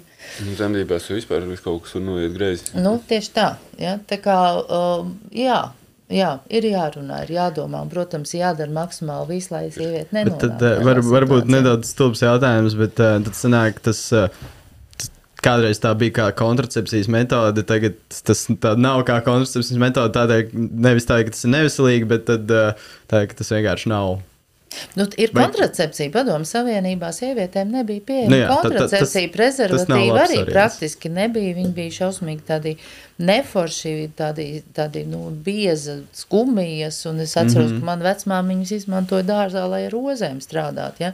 Nu, tā kā, nu, nu, nebija pieejamība, ja, un sievietes arī kaut kā tā veselība, jeb sievietes seksuālā dzīve, jeb seksuālā veselība jau netika uzskatīta kā tāda vērtība. Nu. Mm -hmm. Tāpēc arī. Bet tad aborti nebija aizliegti tajā laikā. Aborts Latvijā bija aizliegts līdz 1955. gadam, un tos šausmu stāsts, kas notika ar jaunajām sievietēm, arī māmiņām, kuras, kurām bija negribēts grūtniecības, es pats savu laiku medicīnas muzejā meklēju, un tie ir šausmu stāsti, jo bija arī sievietes, kuras piedzemdēja, un tad jaundzimušo nogalināja. Jo Tu Viņas... to teā, teātrī izspēlējuši tādus visādus. Jā, jā, bet tā ir gājus. patiesība. Nē, tā ir tā- patiesība, kur atgriežas gadījumā, ja mēs kaut ko aizliedzam. Tas ir, eh, ne, tas ir skaidrs, ir, ka nu, tādā pagātnes kontekstā, kad vai gadsimtu atpakaļ, tā kā ļoti daudz bērni vienkārši tika klik, tā kā piedzima un viņus, nu, Nu, es neteiktu, ka ļoti daudz, nu, bet bija tāda. tā pasaules kontekstā. Tā, pasaules, jā. pasaules kontekstā tā ir, jo kā, ja tu negribēji, nu, saproti, ka tu netiksi galā, tev ir grūtības, tur nāk eh, ziema, tā kā nevar tikt galā, viņš eh, kā bērns var kliegt. Un tu, ja tu viņā nespēji ieklausīties un sadzirdēt, ko grib, tad uh, viņš, kā, viņš var arī uzvilkt. Es, nu, es zinu, personiskās pieredzes, ka viņi, viņi var uzvilkt nervus. kā, Un, ja tu pa, pats tā kā nejustos, nu, nesaprastu to, Bet tagad tu stāstīsi citu situāciju. Jā, Es domāju, nē. tās sievietes, kuras nevarēja izdarīt abortu, viņas nogalināja Jā. tādas Jā, jā. jaunas Nē, nu jaundzimušais, jā, bet tādā ziņā arī, kad viņš tajā agrīnajā pašā sākumā, jā, nu viņš nesaprot, viņš tikai kli, mm. viņš var gadī, viņam nepietiek ēdienas, tā kā, jo tā arī varēja būt. Mm. Viņam nepietiek, un tad viņi vienkārši izdara izvēles kaut kādu, jo kā tur cūciņu nogalina blakus, jā, nu, tagad lauku sētā, jā, piemēram, jā, un tur vistiņu nogalina, jā, nu, tas tur it kā sīkumiņš, viņam jau tur personība īsti nav izveidojusies, jā, nu, es ticu, ka tas vienkārši gadsimtu apakaļ var būt minimālāk, bet tur divus, trīs gadsimtus, četrus ga, Nu, es, gadsimtus es apakaļ. apšaubīju to, vai nogalināja. Varbūt bērni, Bērni mirēja, bija neizdzīvoja bats, viņi vienkārši, jā. neizdzīvoja. Bet tas ir bijis cits konteksts uzreiz, mēs mm -hmm. iedodam. Ja? Nu, tā ir, tā Es- kā, tas nu- tikai, man liekas, tas procents uh, 20. gadsimta otrā puse, kad vispār procents, cik bērni Izdzīvo. nokri, izdzīvo, jā, Atcerēsimies nokritās zem kaut kādiem slimībās, cik. slimībās, infekcijās, slimībās. Arī, jā. tas ir daudz lielāks. Un sievietes dzemdības kā tādas, ja tie bija daudz lielāki iemesli, kādēļ mira gan sievietes, gan jau, bērni, gan jaundzimušie. Ja? Jā. Tāda apzināta nogalināšana varbūt bija Ukrainā, tā, kad tur bija Golodomors, ko izraisīja Padomu Savienība. Ja? Mm -hmm. Apēd cilvēku cilvēks. Tas nav, tas nebūs saistīts ar abortiem. Nu, ir arī vēl da dabiskie, kas ir zinu, ka man ģimenē vismaz divos gadījumos, nu tā, divu pauģu grēsā ir, kad ir ā, dabiskais aborts, jeb šī izkrīt. Tu domā spontānais Spontāni, aborts. spontāni, jā, jā spontāni aborti, pareizi jā. izlabo. Bet tas ir tas, redz, kā es tā domāju, cik interesanti visās iepriekšējās mūsu šodienas sarunās, cik ļoti aktīvi visi iesaistījās. Ja? Mm -hmm. Un man liekas, tas, kad, kad šobrīd jūs vīrieši neiesaisties tajā sarunā, tas parāda to, ka mums šī tēma arī nu, viņu būtu jāaktualizē, jo, diemžēl, jau nu, tajā seksā piedalās abi. Mm -hmm. Un ir ārkārtīgi būtiski arī vīrietis nu, mēģina maksimāli, kā teica viens daktars, Linars Rēdmans, urologs, kad viņš savu lekciju ierunā jauniešiem, viņš saka, tad, ja tev ir seks, puišiem, nu, tad tev principā jābūt gatavam būt pa tēvu. Jo tu nekad nezini, kā šī situācija var notikt, un pat izmantojot visu kontracepciju, kādreiz tāda kļūda. Ja godīgi man tāda doma, nu, galvā ir katru reizi. Kā, tad, ja es uzvelku prezi, nu, es apzinos. Es, es dažreiz aizdomājos, Ja kas, nu, jā, nu, nu, Jā. tie, vai Jā. es būtu tagad gatavs, nauda kontā ir, nu Jā. varētu, tā kā, varētu, Nu, jā. varētu būt sens. Nu, man, Un nu, redz, man, man, man nav tā doma mazāk. Ir, tā. Nu, redz, un, ja tāda, ja, ja, teiksim, ja tāda doma ir tajās attiecībās, ja, tad, tad es domāju, ja Pēdējā gadījumā ir tā negribētā, neplānotā, nelaikā grūtniecība, tad, protams, arī tam vīrietim būtu jāiesaistās šajā sarunā. Es, es jau it kā varētu arī par abortiem tā kā stāstīt. Man, es nesen šajās mājas čatā tā kā rakstīju iekšā, kā, kā sterilizēt žurkas, tā kā, nu, tur paragrāfa garumā, ja.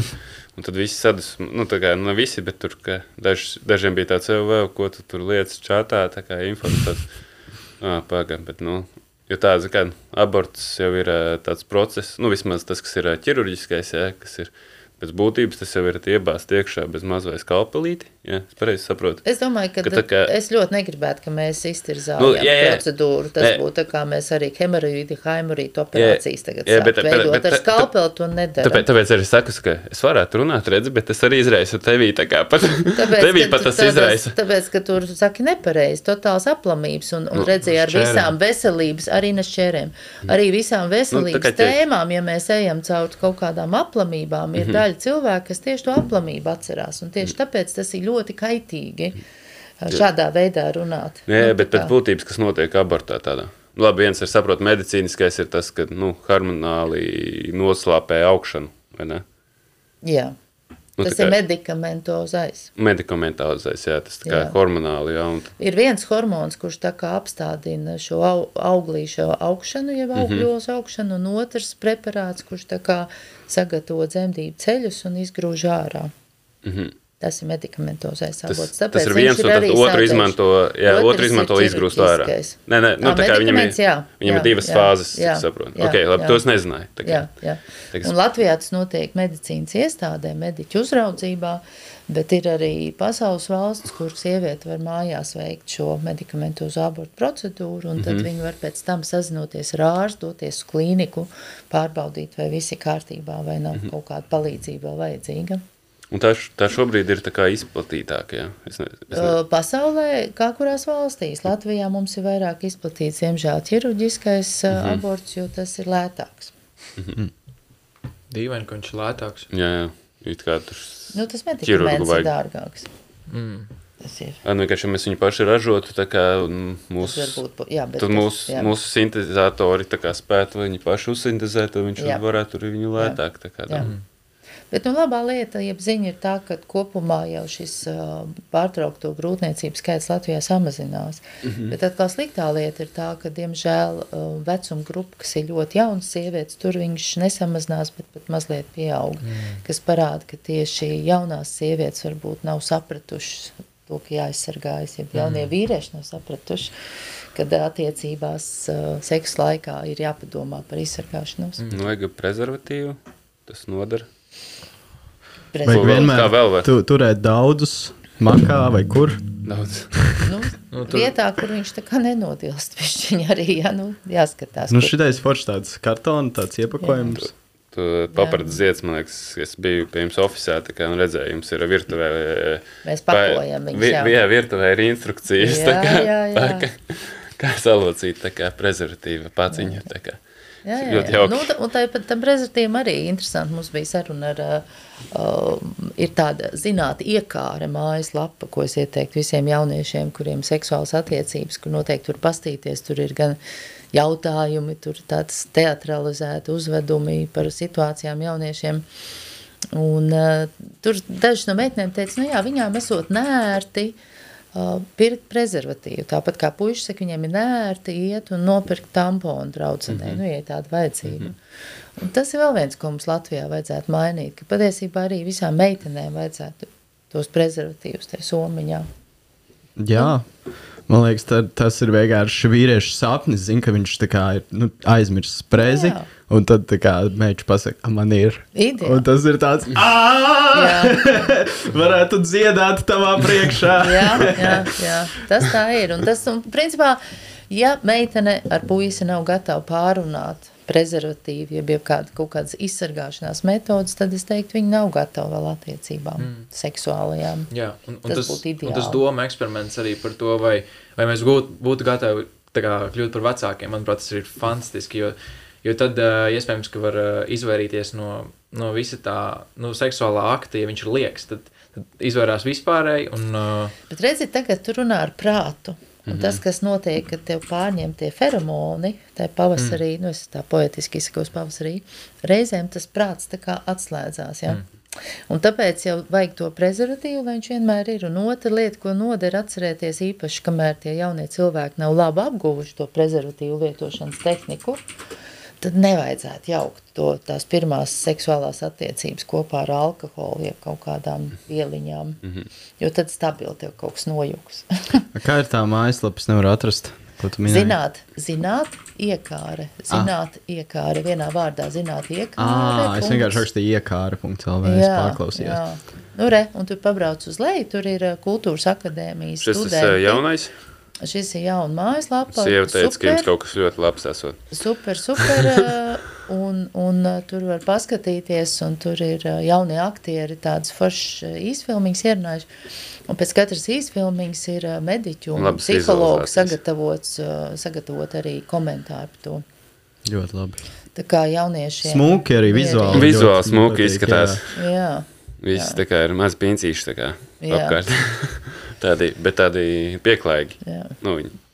Nu jā, un tas ir, tā informācija jau šur tur ir atrodama, man liekas, vissvarīgākais šobrīd, lai tas jaunais cilvēks, viņš zinātu, kur viņam meklēt to informāciju, un viņi sameklēt pirms tam, nevis pēc tam. Tur gan arī ir par avārijas kontracepciju, bet Nu, kam, kam, piemēram, rekur mums klausās tur jaunietis, jā, Jā.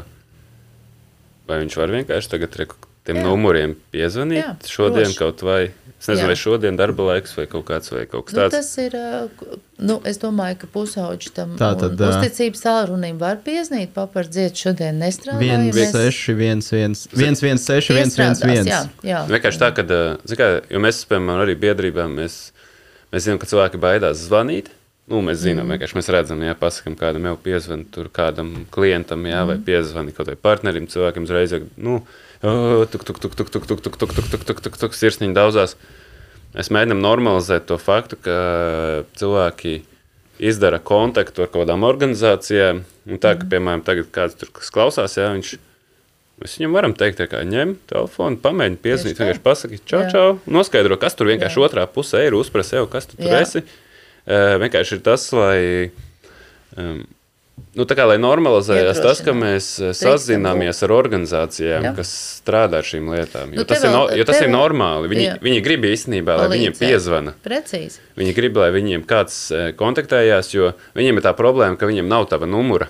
Nu, tā kā Tas, viņiem kas nav nav, viņa. tas, Viņi kas nevar te nav ierakstīt, te nav ierakstīts bērnu uzticības tālrunis, kurš arī tāds mm -hmm. labs resurs. Un te nav ierakstīts arī skalbes, un skalbes noteikti ir tā līnija, ja ir jaunieši, ka tu redz, ka viņš, nu, rīktīgi, nu, viņi nomok drūms domas, un viņš runā par pašnāvību. Tas skalbs, tas būtu tas tālrunis, bet tas šeit nav, jo te vairāk specifiski reproduktīvās veselības mājaslapa. Nu, man arī ir bijuši gadījumi, kad raksta ziņas jaunieši man Instagramā vai kaut kur. Un es parasti iesaku šos te tālruņus, un tam man uzraksta, kā, bet es baidos zvanīt. Un es nezinu, ko teikt. Arī, nu, ko Atis Foršs pateica, ka vajag praktizēt, jo man ir, nu, tā, man, es arī baidos. Es, uh, ir bijuši gadījumi, ka es gribu piezvanīt, bet uh, es nobijos un es Nu, jā, bet nepiezvanīju. tāds ļoti pareizi teica, tur, es zinu, skalbēs, eh, tur tiešām cilvēki strādā diennakti, un viņi mācās, lai viņi varētu tev palīdzēt, un viņi ir zina īstos vārdus. Pat ja tu, piemēram, pieznīs, nu tu nezinās, es teicu piezvanu, nu, Nu, es, nu, es īsti nezinu, ko teikt, kā teikt. Viņi dabūs ārā visu to informāciju, viņi būs atbalstoši, viņi nenosodīs. Un atceries, ja tu zvani, tev jau neviens neredz, ne to tavu seju, nezinu, cik tu esi vecs, neko. Tā kā vienkārši ir jāsaņemās un, un jāzvan, jo, ja tu palīdzību nelūdz, tev nevar palīdzēt. Tas ir tik elementāri. Nu Jā, es katrā ziņā esmu viens, viens no cim cilvēkiem, kas man būtu, nu, kā es darbojos ar komandu saliedēšanu, tā kā ar kopienu stiprināšanu. Man tā viena no lietām ir, ka es, es vēlos redzēt vairāk sabiedrībā tādus jaunus cilvēkus, kuri e, ir uzdrošinās patvērt tur rekur kaut vai savas e, pašvaldības e, mājaslapu, pasīties šeit kontaktu saraksts, jā, un kaut vai, ka viņi ir tik drosmīgi, ka viņi saprot, ka rekur tur novada priekšsēdētājs, jā, Tu un viņi, jā, un viņi vienkārši paņem piezvanu, pasaka, sveiki, es esmu jūsu novada jaunietis. bet šit, Un, šit te kad atgriežamies pie ir- tās izglītības sistēmas, mm -hmm, kur tu esi ļoti drosme. bieži tev pateikts, ka tu esi nepareizi runā, mm. -hmm. vispār, ko tu tur un vispār, un tev ir iedzīts kaut kādas tādas bailes, un otrs, eh, tas, ka jaunieši šodien pārsvarā sarunājas sociālos tīklos, liksim Mhm. pētņās vārdu sarunājas, tas noteikti arī neveicina, jo tā ir arī prasme, tā kā lietot prezervatīvi prasme, tā arī prasme savstarpēji. ciparus piespiest, tā kā, un, Precīzi. un piespiest zaļo pogu. Piespiest vēl tu vari, bet tagad tu, tev Mhm. jārunā mm -hmm. reāli. Un šī prasme, viņa paliek ar vien mazāk. Jo tu esi iemācījies ļoti veikli, ātri, izmantojot, nezinu, cik pirkstus kontaktēt mm -hmm. sociālos tīklos. Un tur tev nav vajadzīga prasme runāt. Es pieļauju, ka arī tam, eh, tam organizācijām var arī rakstīt. Ne? Ir, nu, tā kā tas gan ir. Uh, nē, Tas, tā nav, daudziem tas vēl nav Nē, tāda. Nē, nē. Un Tas var būt kaut kas tāds, ko nākotnē vēl jāiet. Nu, tagad arī kļūst populārs tur aplikācijas BetterHelp, jā, Jā. ko rītīgi reklamē tur daudz youtuberi. Uh, un tas ir arī daudziem vieglāk. Es, es, vot, vot es esmu izmantojis tieši BetterHelp, tāpēc, es negribēju nevienam zvanīt, un tad es atvēru to aplikāciju, un tur bija terapeiti, ar kuriem tu vari sarakstīties vienkārši, kas arī ir diezgan forši. Jā, bet te jāatcerās vēl viens, kad uh, sarakstoties, uh, jā, tā ir laba alternatīva, bet reizēm ir jautājums, vai mēs tā varam, nu, atradīsim tos pareizos vārdus. Un tad, ja tu piezvan, tad tas terapietis, pēc kurš tev grib palīdzēt, viņš arī dzirdēs tavu balsi, viņš mm -hmm. dzirdēs tavas intonācijas, un viņš tā kā labāk nolasīs, kas tev ir pa problēmu un kā tev palīdzēt. Viņš arī dzirdēs, varbūt, ja tu sāc raudāt, un tas ir ok. Ja Viņš varbūt dzirdējis, ka tu pēkšņi apklusti un nevar pateikt, jo tev aizņaucās kakls. Viņam tas uzreiz pasaka par to, kā tu jūties. Mm -hmm. Kamēr uzrakstot to jau tu neredz. Nē, nu, tur, tur var arī sazvanīties, bet jā. Nu jā, es tikai Ir- tā, teiksim. tehniski ir iespējams arī piezvanīt un paklusēt drusku. Un kā mm -hmm. tev jāsaprot, ka tas otrā pusē tas cilvēks, ka viņš, eh, Klausās ka viņš tevi. sapratīs, ka tu, nu, eh, viņš tikai, nu, tā ir, tā ir tāda lieta, jā, ko varbūt grūtāk ir saprast, jā, bet eh, cilvēki, kuri ir tā kā profesionāļi, Un kuri ir profesionāli iedziļinājušies, mācījušies klausīties. pat ja tu klusē. Jā, Jā, pat jā. ja Tas tu ir arī- klusē, tā Jā. kā viņi, iek, viņi, viņi ir tā kā blakus esoši, un viņu mērķis ir ā, padarīt mūs cilvēcīgākus kaut kādā Un- ziņā. un tad, vienam man liekas, tas otru. svarīgākais, ko es gribu pasvītrot, atcerieties, ka jūs neviens neredz. Mm Mhm. -hmm. tu, tu, tu paliec anonīms, un tu tam sešam cilvēkam vienkārši pasaki piecreiz pie spoguļa. Man mm -hmm. prezervatīvs palika meitenē, ko lai es daru. Nu, pasaki. Mm -hmm. Un pēc tam tu telefonu nu, varēsi tam otram pateikt, ja, ja, ja nu, plīsa prezervatīvs, kas bieži vien, protams, muļķības, bet jo vienkārši viņš tur nav bijis klātesošs, bet vienalga stāst, ko tu gribi. Un te ir arī. Uh, Īstenībā tas ir baigi, baigi labi to saprast, kā tas teica, ka tiešām uh, mēs varam klusēt, mēs varam, uh, nu, un kādreiz bija arī rītīgi bail zvanīt, vēl aizvien dažreiz ir. Tagad man bija skolai jāzvana, jā, bērnības skolai, kas ir tāds, ak, nē, ja nu paceļ kādu skolotāju, kas tur man mācīja vēl kaut ko kādreiz. Bet tad es piezvanu, un tad apzināties, tās sarunas nebūs perfektas. Vienmēr kaut ko nepateiksi, bet, bet cilvēks otrā galā cenšas saprast, un ieklausīsies, un būs viss labi. Un, un pasaka, Edgars, turpināja. Visticamāk, šādas sarunas beigās jūti, Fū, pirmkārt, tas nebija sarežģīti. Un otrkārt, ir tik forši. Un tu maz tādu sajūtu, tu vari lidot, jo tu, tas bija grūti tev to pateikt. Bet tu esi pateicis, un tev kāds ir palīdzējis. Mm -hmm. Wow! Tā ir Un superīga vēl, sajūta. ko es gribēju vēl pateikt šajā kontekstā, es kādreiz. Uh, Nu, podkāstus ierakstot, man tur rītīgi, o, jāsagatavojas, o, perfekti viss, un es vēl griežu, jo es nekad, es vienmēr, katrā podkāstā, es kaut ko sapišos, teiksim tā, un es uh, pasaku kaut ko ne tā, un kādreiz es to visu vēl rītīgi montēju, griezu ārā, un tagad man bija, tagad man ir jauns montētājs, kas manā vietā to visu liek, un viņš negriež ārā, bet- bet es arī tagad, sākumā es tur pateicu, nē, griež šito visu ārā, bet tagad es saprotu, nē, es īstenībā gribu parādīt visas šīs neperfektās lietas, lai arī varbūt kā parādītu, ka, hei, var, var arī podkāstus ierakstīt, un tev nav jābūt perfektam runātājam un tā tālāk. Precīzi. Tas ir par to kļūdīšanos, tas ir par to, ka mēs kā pieaugušie, tā arī tāda baigta labā ziņa. Mēs var, drīkstam visu nezināt, mēs drīkstam kļūdīties. Un šodien varbūt es domāju tā, bet rīt iespējams es kaut ko uzla, palasu, kaut ko uzzinu, un es varbūt pamainu to savu domu gājienu. Pēdējā laikā arī ļoti populārs uh, Instagram reels, tā skaņa Jordans Petersons, laikam, kurš saka par to, to You have to be a fool. Kā varbūt esat dzirdējuši to, ne? Ne. Ka you have to be foolish to learn something new, you have to. Tā kā, Nu, nav iespējams tā kā iemācīties kaut ko jaunu. Un, jā. nu, tā kā mums iet arī vecām bija tāds viens princips, ja tu gribi kaut ko mācīties, tev jārēķinās, ka tu izskatīsies muļķīgi. Tā kā, ja, ja tu tiešām kaut ko gribi tā mācīties, tu nevarēsi. eh, Tu, ne, tu ir ārkārtīgi sarežģīti tu izdarīt uzreiz pareizi. Tas nav vienkārši iespējams. Ir, eh, mācoties jaunu lietu, tur pieļaus kļūdas. Redzi, un jaunā lieta dažreiz ir arī attiecības. Tagad tu esi pusaudzis, vai ne? Tā ir, tās ir arī attiecības. Jā, tur mēs arī- mācāmies. Tur arī ir kļūdas, tiks pieļautas. Jā, Var, nu, tas ir, bet nevajag arī pārdzīvot. tā kā. jā. Tas ir. uh, Un, nē, vajag, kā, pārdzīvot arī vajag. Nē, zini, kā, pareiz, Nu, tas- teikšu, pareizāk, vajag pārdzīvot. Jā. vajag, vajag to pārdzīvot, eh, bet ne tādā ziņā, ka. Nu, mm, Tu neesi zaudētājs caur to. Var drusku būt sliktas emocijas, var Jā. būt nepatīkami, var sāpēt, var rasties kaut kādi pārdzīvojumi un nepatika pret sevi.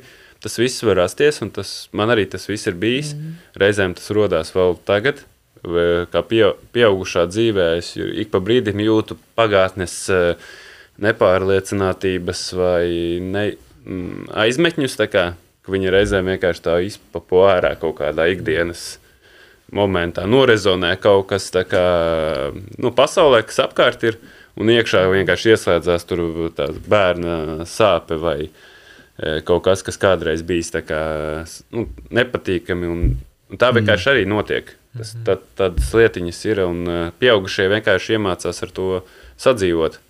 Man, man bērnībā, zin, kas bija patiesībā visgrūtākais runāt par kaut kādu savu veselību tieši intīmajās lietās. Man tur uh, kaut kāda pumpa uz dubša, tā kā es baidījos vispār mammai pateikt. Un, uh, varbūt, uh, ja es būtu pāris gadus ātrāk kaut ko pateicis, varbūt man ātrāk diagnosticētu manu slimību. Bet tas tā, tāpēc dara to. Bet tāpēc tagad es uh, publiski uh, pajautāšu jums, uh, varbūt jūs zinat kādu, kādu uh, urologu, man tā kā vajadzētu aiziet, bet es tā kā jau vairāk kādu mēnesi, divus baidos piezvanīt. Uh, varbūt, jūs, var, varbūt mēs varam tagad to izdarīt. Google. Google. komentāros. Google. Google zini kā, Es, es nezinu tādus, man nav paša sava urologa personiskā. Nē, nu, urologi Latvijā ir kopumā tāda sarežģīta tēma, Ah, jā, vēl. Ah, jā. Eksperts. jo viņi ir maz. Mm. Un faktiski tas ir jautājums nu, puišiem, ja viņiem ir kādas um, intīmās vai dzimuma orgānu sistēmas problēmas, ja buroloģisks, kur viņiem sameklēt šo palīdzību. Un te jūs esat privileģētā kārtā, ja jūs dzīvojat Rīgā. Rīgā tomēr mēs kaut ko varam atrast. Man bija Bet aktuālākais. Rīgas tas ir sarežģīti. Man liekas, man bija tāds aktuālākais tikai tad, kad es tā kā sapratu, ka man priekšādiņa tā kā tur negāja pāri tā kā līdz galam, un tad man ik pa brīdim iekais. Tas bija ļoti sen apakaļ, jā. Es biju vēl jaunā, nu, 11 gadi ar kaut ko. Un tad kā viņš iekais, un tad es gāju pie urologa, es atceros kā to procesu, un man bija tāds, jā, jā, jā, un tāds, un tā kā tas main message was like, you, you have to clean this. Mm -hmm. Tikai tev, mm -hmm. tur, tur jāmazgā pincīts tur, jā, nu, tur nomazgāja, tu viņu nomazgāja, tad ir labāk. Un zinu arī, ka puišiem nu, tā ir tāda klasiskākā lieta, kas notiek un kur rodas diskomforts. Vienkārši nekopjot. Nu, redzi, Kārtīgi. starp citu, šī ir Edgars viena tēma, kur, uh, ja tu būsi gatavs to parunāt, es apsolu, es atradīšu kādu At- urologu, vajag, jā, man- kur man mēs bija varētu... Uzaicināt uz podcastu. Jo tiešām, uh, jā, tiešām šī intīmā Es no veselība sākuma aiziešu pats pie urologa. un Tad es pasaukšu kādu. Tevis- Varbūt es aiziešu un uh, pajautāšu, tu negribi podkāstu. Es tev varēšu palīdzēt atrast kādu. ok, ok. Nē, nē, to noteikti jārunā, jo puišiem ir sarežģītāk atrast ginekologu, mums ir ļoti daudz. Un Tā tāda lieta, kas ir vienkārši. Nu, es tagad nes- meklēju jā, tiem, nu, tās lietiņas, kas mums tur stāv, ja, mm. kur tās likt. Un uzgāju arī ginekologu kaut kādu tur asociāciju un skatos, jā, un tad tur bija, protams, statistikas lietas, jā, ka tur cik ir tas uh, vēzis. tā kā, eh, Zemes kakla vēzis, jā, ka viņš ir kriktīgi izplatītāks nekā vidēji Eiropā pie mums. Mm. Un es domāju, ok, man tie visi tūļi ir. Nu, jā, jā. Domāju, kā to. Bet Kā tas- tas, ir, tas- neskatoties uz to, ka tie ginekologi ir vairāk, it kā, ja, un, Pag, pag, pag, tā ir sabiedrības veselība. To tur nevaino nekāds ginekologs. Tur ir vienkārši mūsu mītiskā aizspriedumainiem pilnā sabiedrība, kura uh, sievietes daudz baidās savus meitas vakcinēt pret zemes kakla vēzi. Mm -hmm. Šobrīd arī puišus var vakcinēt, mm -hmm. jo tas ir cilvēku papilonu vīrus, kas šo slimību izsauc. Mm -hmm. Un, un ja puisis nav vakcinēts, un viņam, piemēram, dzīves laikā ir desmit sievietes, un viņam ir šis vīrus, viņš visu desmit Viņš vienkārši viņu sievietes izplata. Viņam nekas no tā nemainās. Nē, vīrietim arī var, Var būt gadīt, anālās mhm. atvērs vēzis un arī tāds nepatīkams vēža formas. Mhm. Bet tā ir tāda mūsu tautas bišķī tumsonība, jo tajās valstīs, kur sievietes ir vakcinētas un kur viņas iet pie ārsta, kā piemēram Mhm. Austrālijā un Somijā, praktiski jau viņas vairs nenonāk līdz tādai vēža A, stadijai. kā tev liekas, es te vienreiz uzgāju Twitterī tādu interesantu tredu saraksti, kur ā, cilvēks stāstīja par padomi laikiem un kā tur bija. Nu, par, par veselību un skolām, kā vienkārši tev paņēma, atnāca ārsts klasē un klases priekšā bez mazliet tur ā, tagad, nu, ne, es, es neatceros tagad konkrēti, kas tur bija, bet uh, nu, cilvēkus bez mazliet izģērba vai nebija. nu, ne, ne izģērba, bet tā kā tā lika faktu priekšā, pārbaudam visus uzreiz, vai visi ir veseli.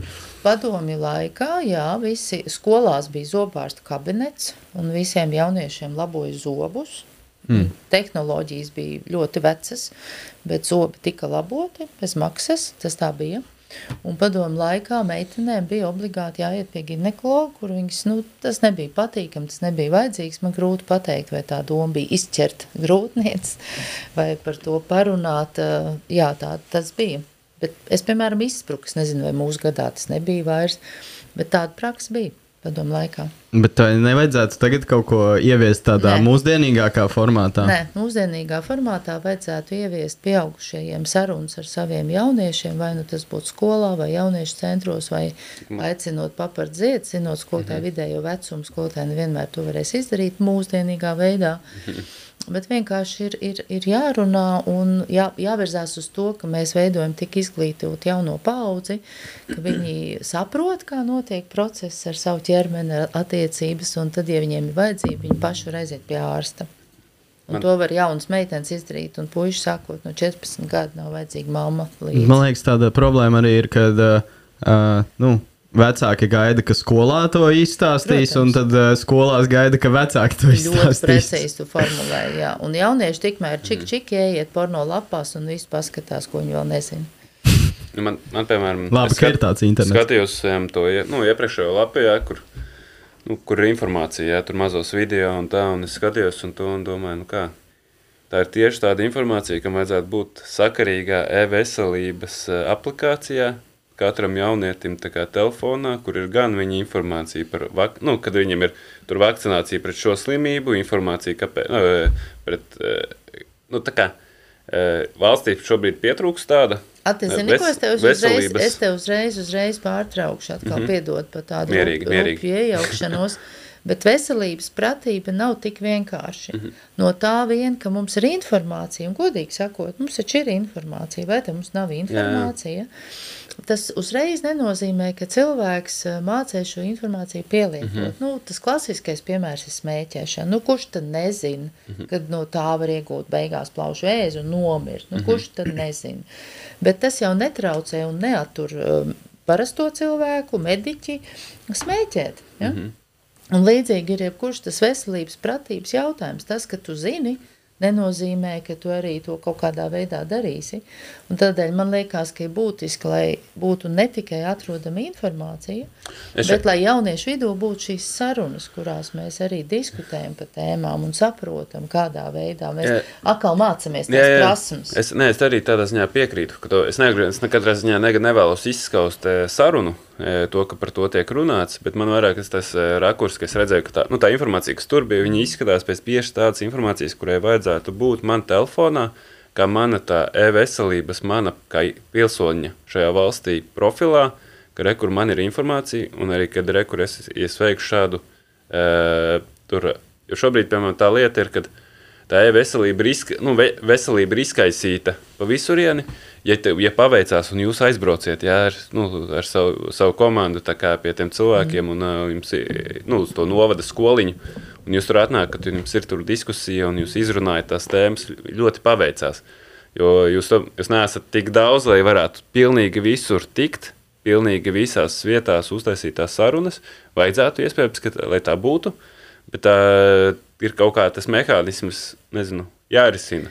Bet, Man, redzat, es tādā tas, ko- holistiskā, Jā, jā, jā, kā, kā, mēs tas- valsts, kā mēs vadām valsti, nu, tā kā tādā bet tas, jautājumā. tas, ko es gribēju teikt, tu strādā ar jauniešiem. Un, piemēram, tagad eh, tiem jauniešiem būs kaut kādas attiecības un seks. Nu, pasaki, kā lai tāds normāls jaunietis, viņš grib seksu, viņš par to domā. Labi, viņš ir kaut kur kaut ko dzirdējis par prezervatīvu un tā tālāk.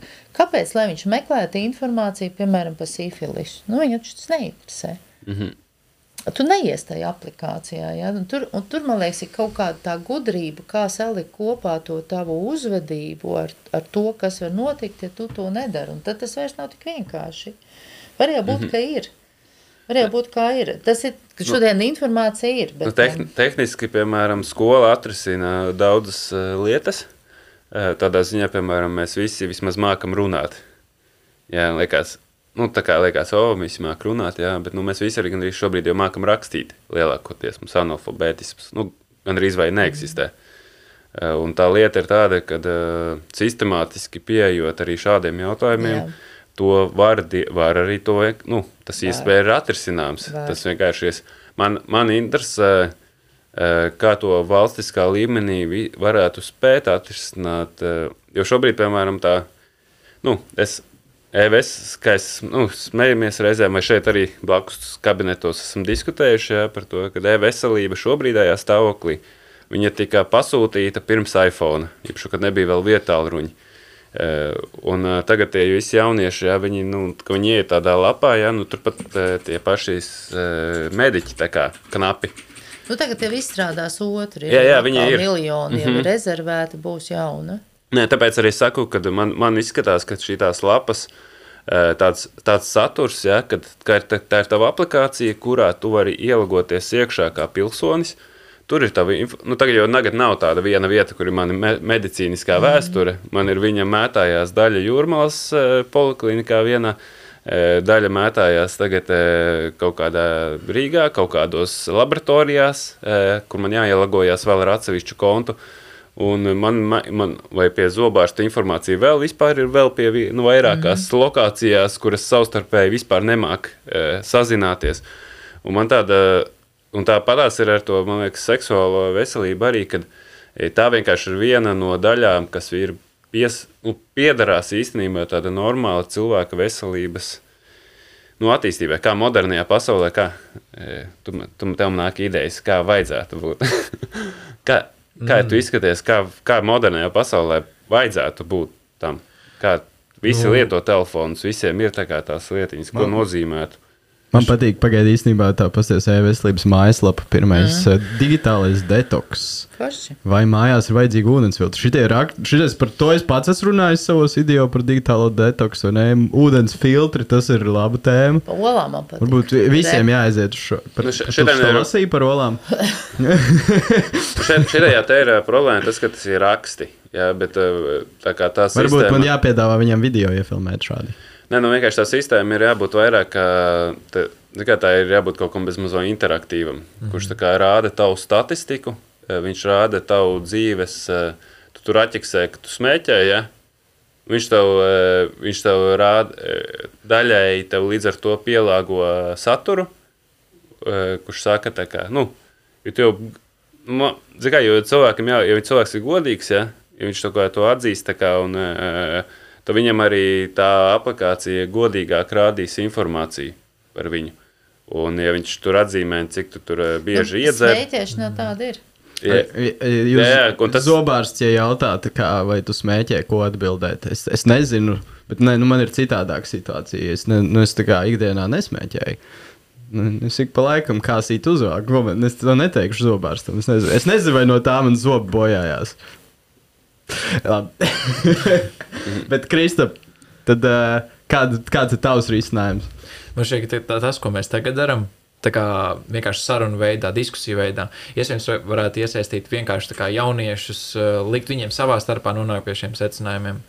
Bet uh, man šķiet, ka šis podkāstu modelis, kā, kad viņi vienkārši dzird no, no arī tādiem pašiem cilvēkiem, tā kā, nu, gan dzīves piemērus, gan arī tā kā tīri teorētiskus piemērus, tas ir daudz interaktīvāk un interesantāk pat jau kā, kad kāds atnāk un vienkārši nolasa lekciju.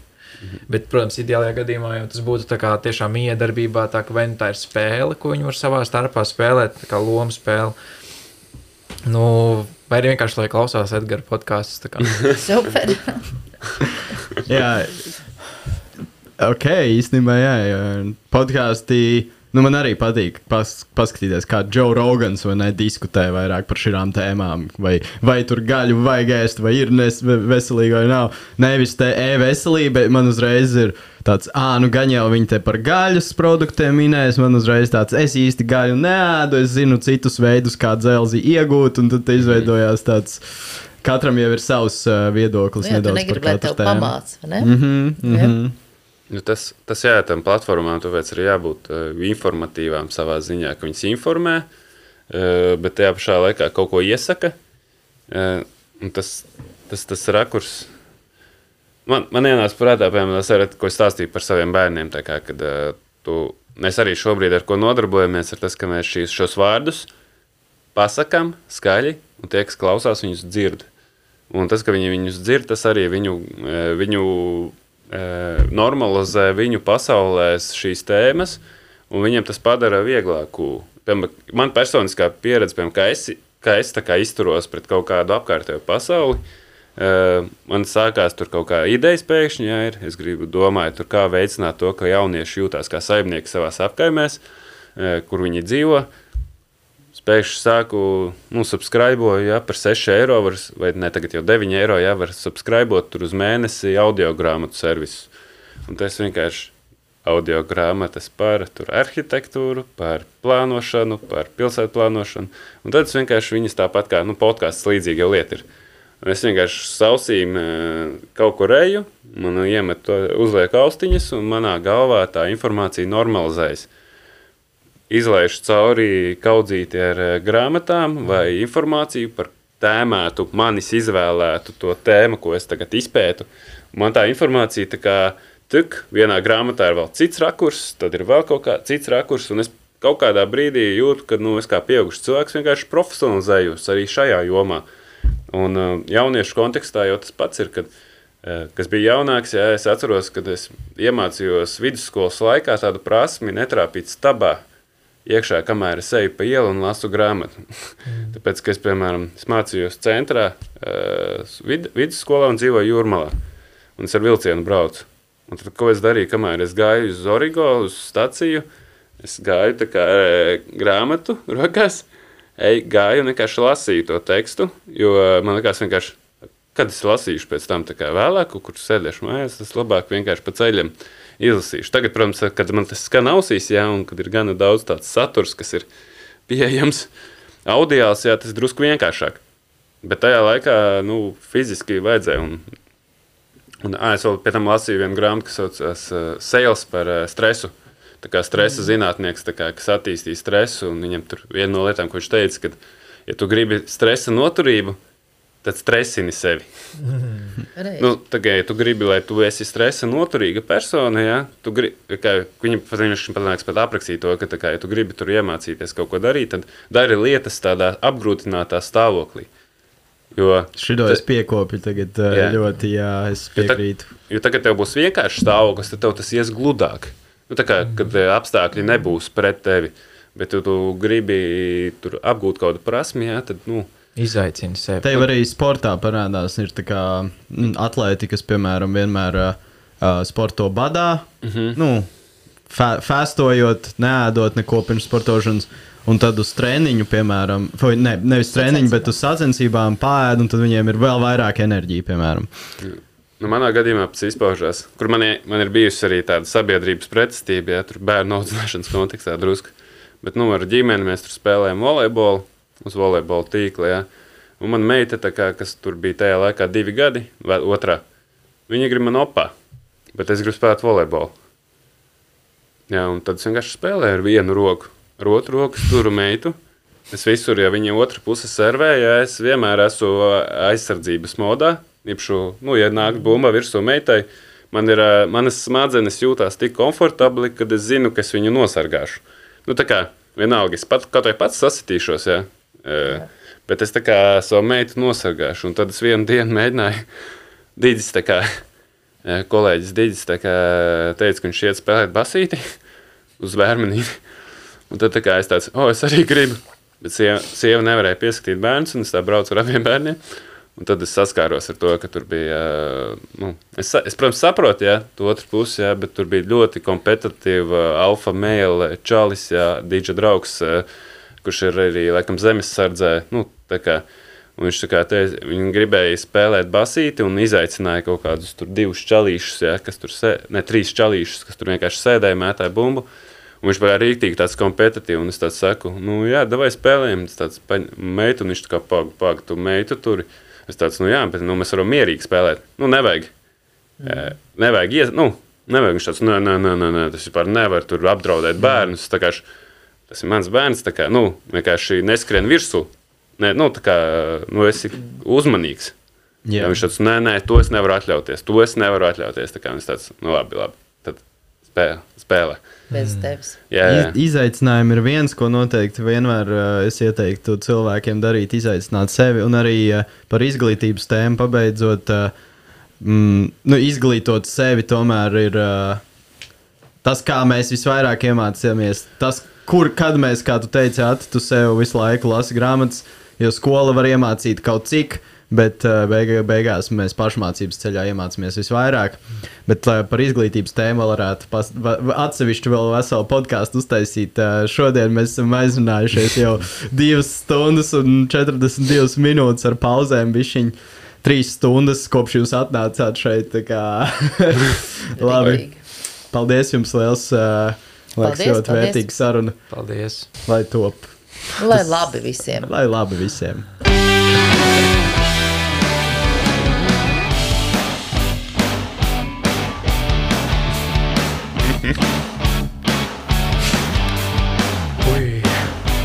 Yeah, yeah, yeah.